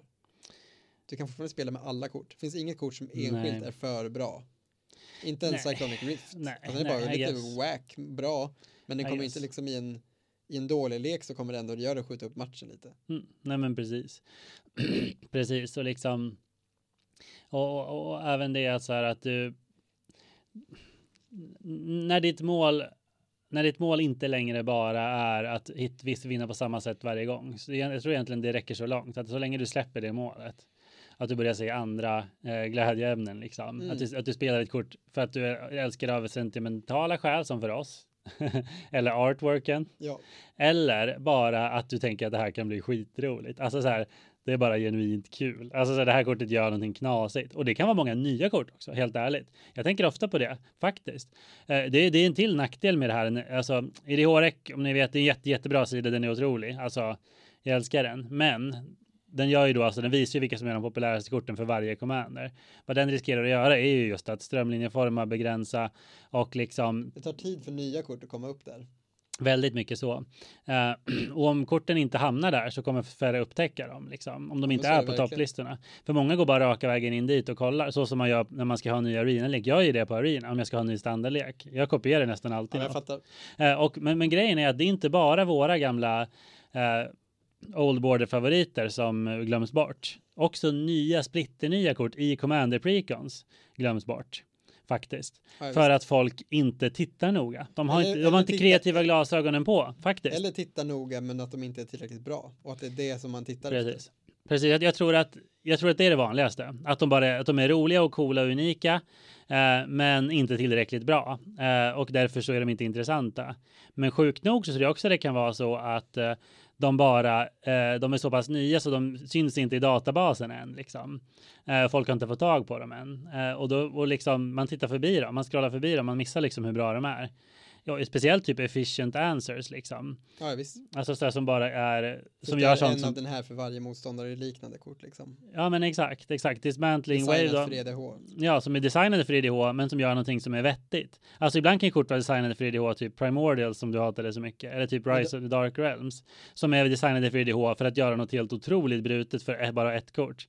Men vi alla är överens om att man behöver svar på saker, man behöver removals. Mm. Och där finns det ju så mycket nya, som jag tycker är schyssta kort, alltså som, ja men Dismantling Wave tror jag den heter, eh, som förstör en artefakt eller enchantment för varje motståndare, den kostar bara tre.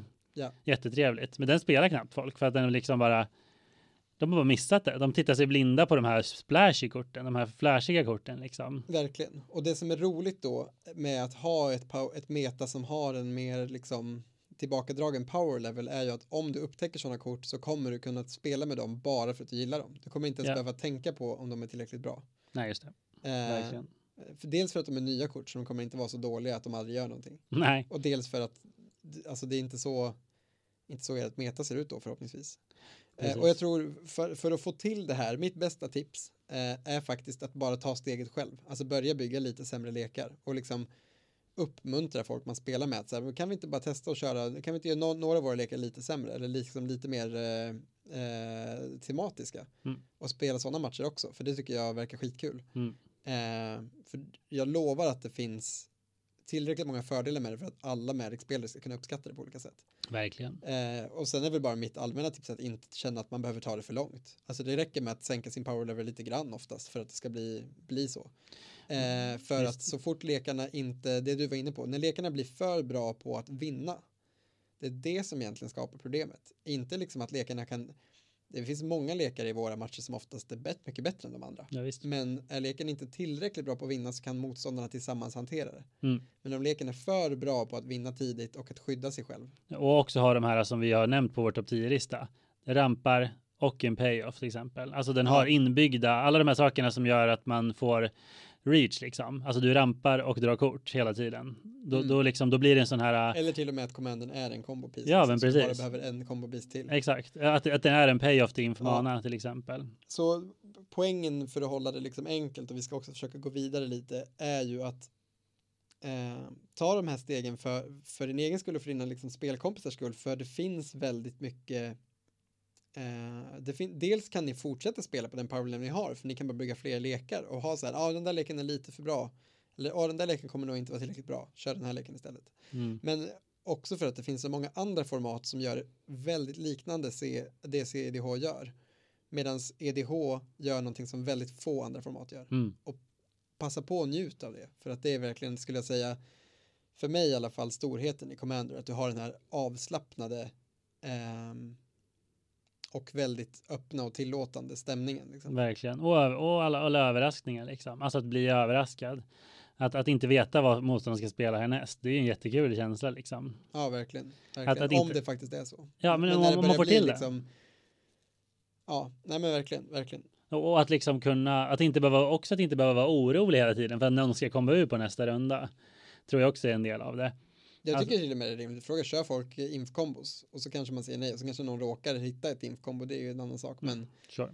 men om man inte har liksom byggt för att vinna på, på kombo snabbt, det, då, om man märker någon bara, jo men jag kör en hel del kombos, då Mm. kan man ju redan där förstå att ens eh, hippogrifflek inte kommer komma så långt liksom. Verkligen.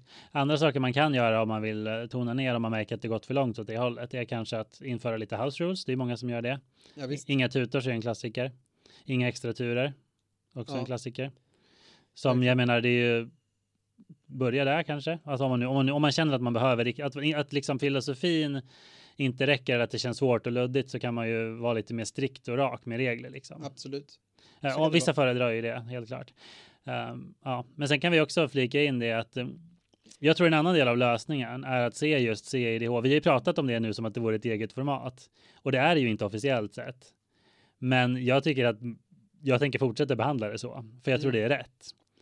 Eh, förstår du Ja, vad jag men menar? verkligen, man sätter sig ner och ska spela, spela med någon, eh, märker i första gamet att de har en CDH-lek, så säger man, ah shit jag spelar inte CDH. Precis.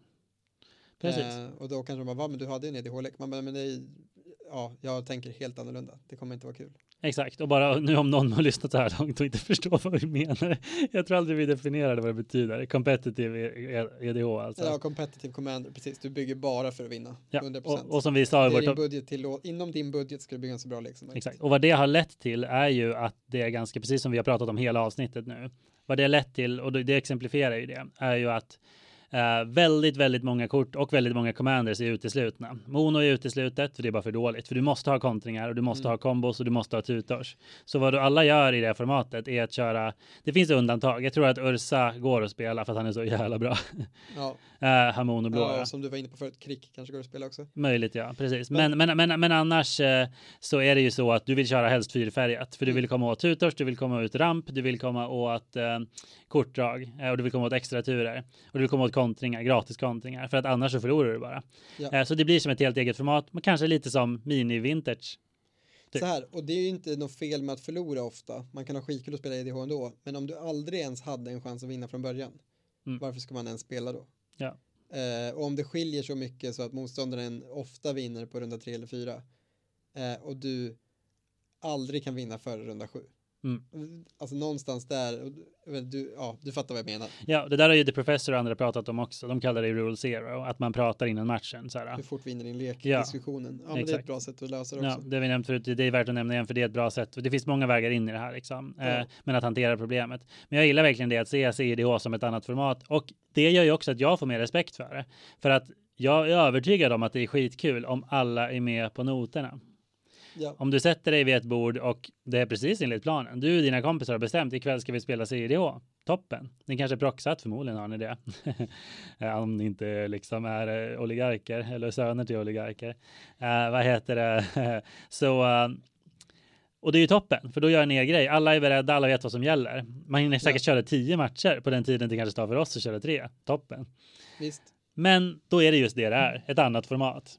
Ja, för det en, en anekdot i det här är att jag lite randomly gick in på Magic Online ganska nyligen och bara byggde en commander-lek med de korten jag råkade ha. Ja. Så, så bra jag kunde förstås, men, men det blev inte jävligt, särskilt bra. Den hade varit en av de sämsta lekarna jag någonsin har byggt om jag byggt en IRL. eh, gick, gick in i en, eh, en commander-match och körde och de andra, alltså mot helt random folk. De andra tre spelade ju liksom helt sjuka lekar som bara vann runda tre. Så det var liksom, jag såg ju liksom redan runda två att jag bara någon vinner nästa runda. Och jag har ju inte ens, jag har spelat ut min commander liksom, det är det jag har gjort.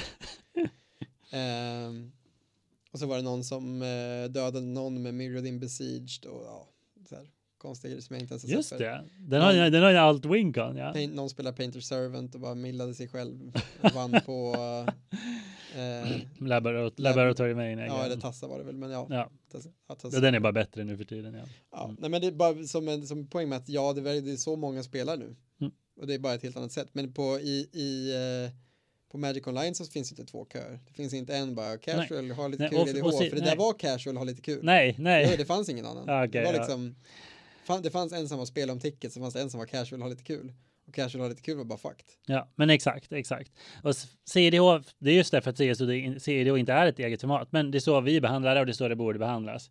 För annars, om du kommer in, om du tror att du ska spela IDH och behandla det som CDH, ja, enligt reglerna så är det okej, för det är båda IDH. Men det är ju, alltså jag vet inte, jag vet inte om någon sett det där klassiska South Park-avsnittet när ett fullvuxet lag slåss mot eh, åttaåringarnas hockeylag. Att de bara tacklar sönder ba- Jo, barnen jävla bara bra. tacklar det typ, de bara, du vet, bara spö, hoppar på. Det bara dör liksom. Ja, men de typ verkligen bara spöar på barnen liksom. Man bara, ja, du vann, men till vilket pris? Grattis liksom. Vad har du tror du att du åstadkommit? Du vet. Att du kör in liksom på, det är lådbilsrally och du kommer in med en riktig Formel 1-bil och bara, vrr, du och vet. dessutom kör sönder alla Ja. andra och dessutom står efter racet och bara det här var kul. Ja, exakt. Ska vi Jag, jag tycker ändå man stöter på sådana människor ibland som verkligen inte fattar. Och det är Ja. verkligen som man bara, ja, jag antar att de är lost causes. Men, men så här, det är oftast mycket mer subtle. Det är oftast att någon bara spelar lite för bra kort, alltså lite Ja. bättre kort än resten av metet. Kanske inte ens en CDH-lek, men man bara Nej. spelar med vissa kort som de andra kanske har någon slags agreement om att ah, vi har slutat spela de här korten. Mm. Men du kanske har Eh. Exsanguinet, du har eh, som du sa Torment of Hailfire och kanske typ Rise of the Dark Realms. Alltså det, det är bara Ja. självklart att de är med. Alltså du kör en svart lek så då är de med. Ja, precis. Och sen, och sen bara stompar du något och kanske till och med tyckte att det var lite kul att vinna för Ja. att det var första gången. Det är klart. Men de andra spelarna har förlorat mot det här hundra gånger och blir bara, jaha, okej. Ja. För det var samma kort som de förlorade mot förra gången de mötte en bra svartlek. För att det är alltid samma kort. Ja, Det är det som är problemet. ja, Man har sett det förut, det var en annan person som höll i kortet men gjorde det inte mycket roligare att det var en ny person liksom. Exakt. Utan, jag tror, Vin- och det här vin är det som jag ja, tror, det här mm. liksom, kan väl få vara min slutkläm för ja. det här i alla fall. ja nej, men det blir bra.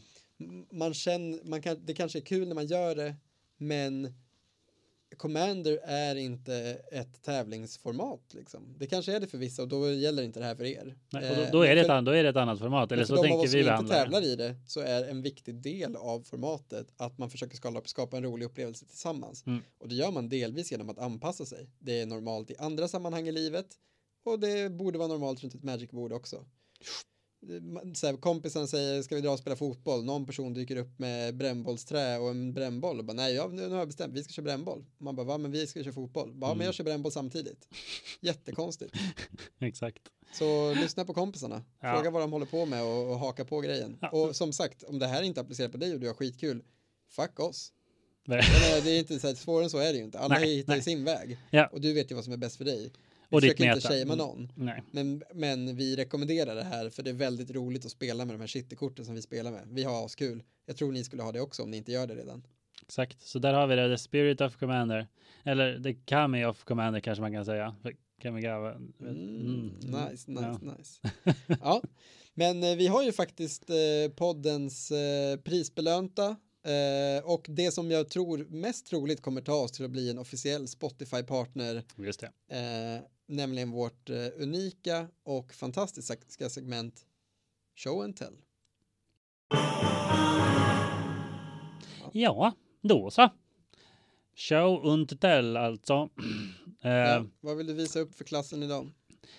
Ja, jag kan eh, känner att jag, att jag vill nämna något så ovanligt som ett helt, alltså ett rakt igenom uppskattat eh, och oväntat beslut från eh, Watsy. Eh, och det är ju det här med att de ska testa att behandla pre-releaser som förr, som det kanske, som vi kanske alltid tyckte att det borde vara. Vet du vad jag pratar om? First to paper, Exakt, exakt. Så alltså, senaste åren. paper first, ska man kalla det? Ja, det, det låter sjukt när, när du säger det högt, men ja, tydligen. Tydligen. Eh, men ja, de senaste, kan man säga åren, så har eh, pre-release i, din local game store inte riktigt varit pre-release mm, egentligen för att korten var ju redan på Magic Arena dagen innan eller ibland flera dagar och innan. standardlegala på Magic Arena. Inte bara att du kunde drafta med dem och pre-releasa med dem, utan du kunde dessutom lägga in dem i dina standardlekar. Exakt så för oss som lirat Magic ett tag så funkade det som så att du hade pre-release weekend och en vecka efter det så blev korten legala i standard och började säljas i butiken. Ja, Och om går du riktigt långt tillbaks så fick du inte ens se korten på nätet, bildspoilern, förrän efter pre-releasen. Så kommer det inte vara nu. nej det går inte liksom. Nej, men, men så var det förr. Men oavsett vad, pre-release kändes som att det här är första gången de här korten används. Det är helt nytt. Alla är på samma. Alla börjar med en, inte en blank slate om man har tittat lite spoilers innan, men åtminstone att man har inte spelat med korten. Man, har, man vet inte vad som är de bästa arketyperna, utan du testar dig fram. Alla är på liknande villkor. Det här är nytt för alla. Det är bland det roligaste som finns med Magic liksom. Eh, ja, vad vore Magic utan pre-releaser? Jag vet det knappt alltså. Eh, det, det vore det är en så viktig del, så rolig del. Eh, och så, ja men, men det är en tradition liksom, nästan lika viktig som fettisdagen. Kommer ju liksom kännas mer högtidligt igen på något sätt. Även om Ja. jag skulle säga så här, på vissa sätt har det ju inte tagit udden av pre-releaser. Absolut inte. Men på vissa sätt har det definitivt gjort det också. Japp, så Eh, som det har varit eh, med Framförallt Arena. för de, Mm. de som spelar mest arena så tror jag att det här verkligen har gjort stor skillnad. Japp. Jag, jag vet att de senaste prällarna så har jag frågat, jag mött typ junior eller någon på butiken. Så jag bara frågade, så har du tjuvtränat på Arena innan? Och det är ju många som har det. Ja, ja visst, visst. Jo, men folk som verkligen är taggade på nya sätt kommer ju göra det. Ja. Det är klart. Och folk som vill vara bra på prällen kommer göra det. Mm. Eh, så, så det är ju verkligen... Precis. Men, men alltså, alltså bara för, att vara jätte, jätte, jättetydlig. Nu testa Watsy och gå tillbaks till det gamla. Ja. Så från och med eh, eller nästa prälle och kanske de nästan efter det, jag minns inte. Men i alla fall, nästa prälle, Streets of New Capenna i slutet på april, eh, så kommer eh, pre-releasen på paper vara först. Alltså först har du prällen och sen en, en vecka senare kommer den på arena. Ja. Alltså det kommer på arena som när det släpps i butiken och inte när prällen är. Mm. Så wow, kul, helt rätt. Prioritera paper, yes, we're back. Det känns skitkul och ja, det ska verkligen bli kul att se vilka effekter det får på prällen. Eh, säkert Mm. begränsade, men, men vem vet? Det kanske, eller så gör det verkligen att det förhöjer känslan. Ja, jag har inga siffror på det, men jag vet att The Professor sa i alla fall på YouTube att eh, pre-release, attendance har gått ner och att folk är rätt säkra på att det har bland annat med det här att göra. Vi har också levt i en pandemi. Jag vet, två jag vet, det var det jag insåg medan jag sa det. Att jag säger bland annat. Ja. Verkligen bland annat. Men det, Och det jag vet inte om det stämmer, det kanske det gör. Det var roligt Eh. för en, en annan bara helt, men vi hade våran första slutsålda pre-release sen, eh, eh, vad heter det, det här War of the Spark. Mm. Väldigt kul. Eh, så vi har, vi har ändå inte sålt alla, alla platser. Vi har haft några som varit nära, men inte sålt ut helt. Men den här sålde vi alltså slut helt. Mm. Eh, vilket är jävligt fett för att se. Definitivt, Det känns lovande för framtiden. verkligen. Det enda dåliga med prällen är att jag kommer missa den nu. Ja, just det, för de flyttade prällen. Det var, en, det var så de, De löste flyttade det. fram den en vecka. Ja, istället för att ändra releasen Ja. på Arena. Liksom. Ja, och då kunde inte jag längre för jag har en jobb, jobbhelg den helgen. ja, ni Mm. får, eh, ni får röka en maffiacigarr i min ära. Ja. Det var alltså en referens till maffiatemat i sättet om någon missade.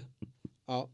Nej, men jag, jag tänkte ta upp något helt annat, något lite, lite random, men eh, jag tänkte bara säga, jag har sett sån jävla fin gemenskap runt Magic hemma eh, runt Eskilstuna-metat på sistone. Det vill jag lyfta upp som min lilla, Ah. lilla grej. Utan, och jag vet inte om Very det här wholesome. Ja, men superwholesome. Och jag hoppas och tror fan nästan att det här innefattar alla som på något sätt har liksom börjat spela mer Magic, att de är en del av det här. Och det jag ser är typ så här, någon, någon av mina Magic-kompisar skriver typ en random kommentar på Facebook eller random inlägg, typ så här, jag har gjort det här. Och får till kanske tio kommentarer, varav åtta är från liksom andra Magic-spelare i vårat meta. Och man bara inser hur många som har blivit kompis med varandra genom att spela Magic ihop. Det är sant. Jag har också tänkt lite på det. Eh, och jag bara inser hur fint det är och hur glad jag blir av att se det och hur liksom de här människorna ställer upp för varandra och backar upp varandra. Mm. Eh, och att det jag i första hand har gjort med det här är att jag liksom har erbjudit dem en chans att börja spela ett spel tillsammans. Eh, och Genom jag har spelat butiken då. tillsammans Mm. med dem. Att jag Mm. är förstås en av de här kompisarna som är med och bygger det här. Eh, men, men hur fint det är att se Magic föra människor samman liksom. Och, Ja. och ge folk ett, eh, ett eh, ännu ett roligt sammanhang. För vissa kanske ett, ett eh, sammanhang överhuvudtaget till och med. Vad fan vet jag? Eh, och det, det är fett, det är kul att se och det gör mig väldigt, väldigt eh, glad när jag vet att vi kan bjuda in fler till det här och man ser liksom hur det kan växa. Eh, så, så bara fett kul och jag hoppas att fler upplever det här på annat håll också. Vi vet att de flesta som lyssnar ändå inte är från Eskilstuna Stuna metat. Mm. Att ni också ser det här där ni är och att Magic är liksom en positiv social kraft för många. För att, att se hur det är just för oss där eh, gör en väldigt hoppfull och glad och eh, det tänker jag att det ändå är värt att, eh, värt att lyfta. Ja, fint sagt. Och eh, jag, jag ser det inte så nära som du för att jag bor inte i Eskilstuna. Men eh, jag ser det en hel del faktiskt, det du säger på Facebook och, och i, våra, i de grupper som vi hänger i, men också som du säger på vanliga wallen liksom. Och, ja, det, det, det är super nice på alla sätt liksom. Och ett väldigt fint sätt tycker jag att avrunda ja, avsnittet på en väldigt positiv eh, not. Ja men verkligen, för att det, det är ju det som gör det roligt, eller det jag vill lyfta fram är att det är ju liksom väldigt nya eh, deltagare också som innefattas av det här. Det är inte som att det bara är folk som har spelat ihop flera år, utan det är så Nej. folk som kanske varit med bara några månader och spelat. Ja. Som väldigt fort har fått bli en del av den här gemenskapen. Ja. Det är fan en av de vackra grejerna med spel. Att bara du är med och lirar liksom, så får du ofta en, en plats. Amen. Så länge du inte, ja men faktiskt. Så, så länge du inte är ett rövhål så är du välkommen liksom och bara hänga och lira. Till och med om du spelar Kenriff. Till och med om du spelar Kenrith, så länge du är hyfsat skön. Men varför spelar du Kenrith om du är hyfsat skön? ja, förhoppningsvis för att du har Sagan om ringen. Ja, det är en bra, bra poäng. ja, nej men då så. Det får väl räcka va? Det får räcka för den här gången. Eh, tack så jättemycket för att ni har lyssnat. Glöm inte bort att följa oss på sociala medier. Där Ja. hittar ni oss på, på stacken eller pa understreck stacken. Eh, Japp, du får ni kommentera för då blir jag glad. För jag anstränger mig med mina små lustiga bilder. Och om Ja. ingen kommenterar då kanske jag kommer sluta. Nej, förmodligen inte. Inte. Nej, du får ändå liksom tillräckligt mycket reaktioner på något inlägg då och då för att du ska sitta och jaga de där klicken. ja, så är det. Men eh, ja, tack i Ja. förskott för ni som kommenterar. Lira hårt. ja, så är det. Hej, hej.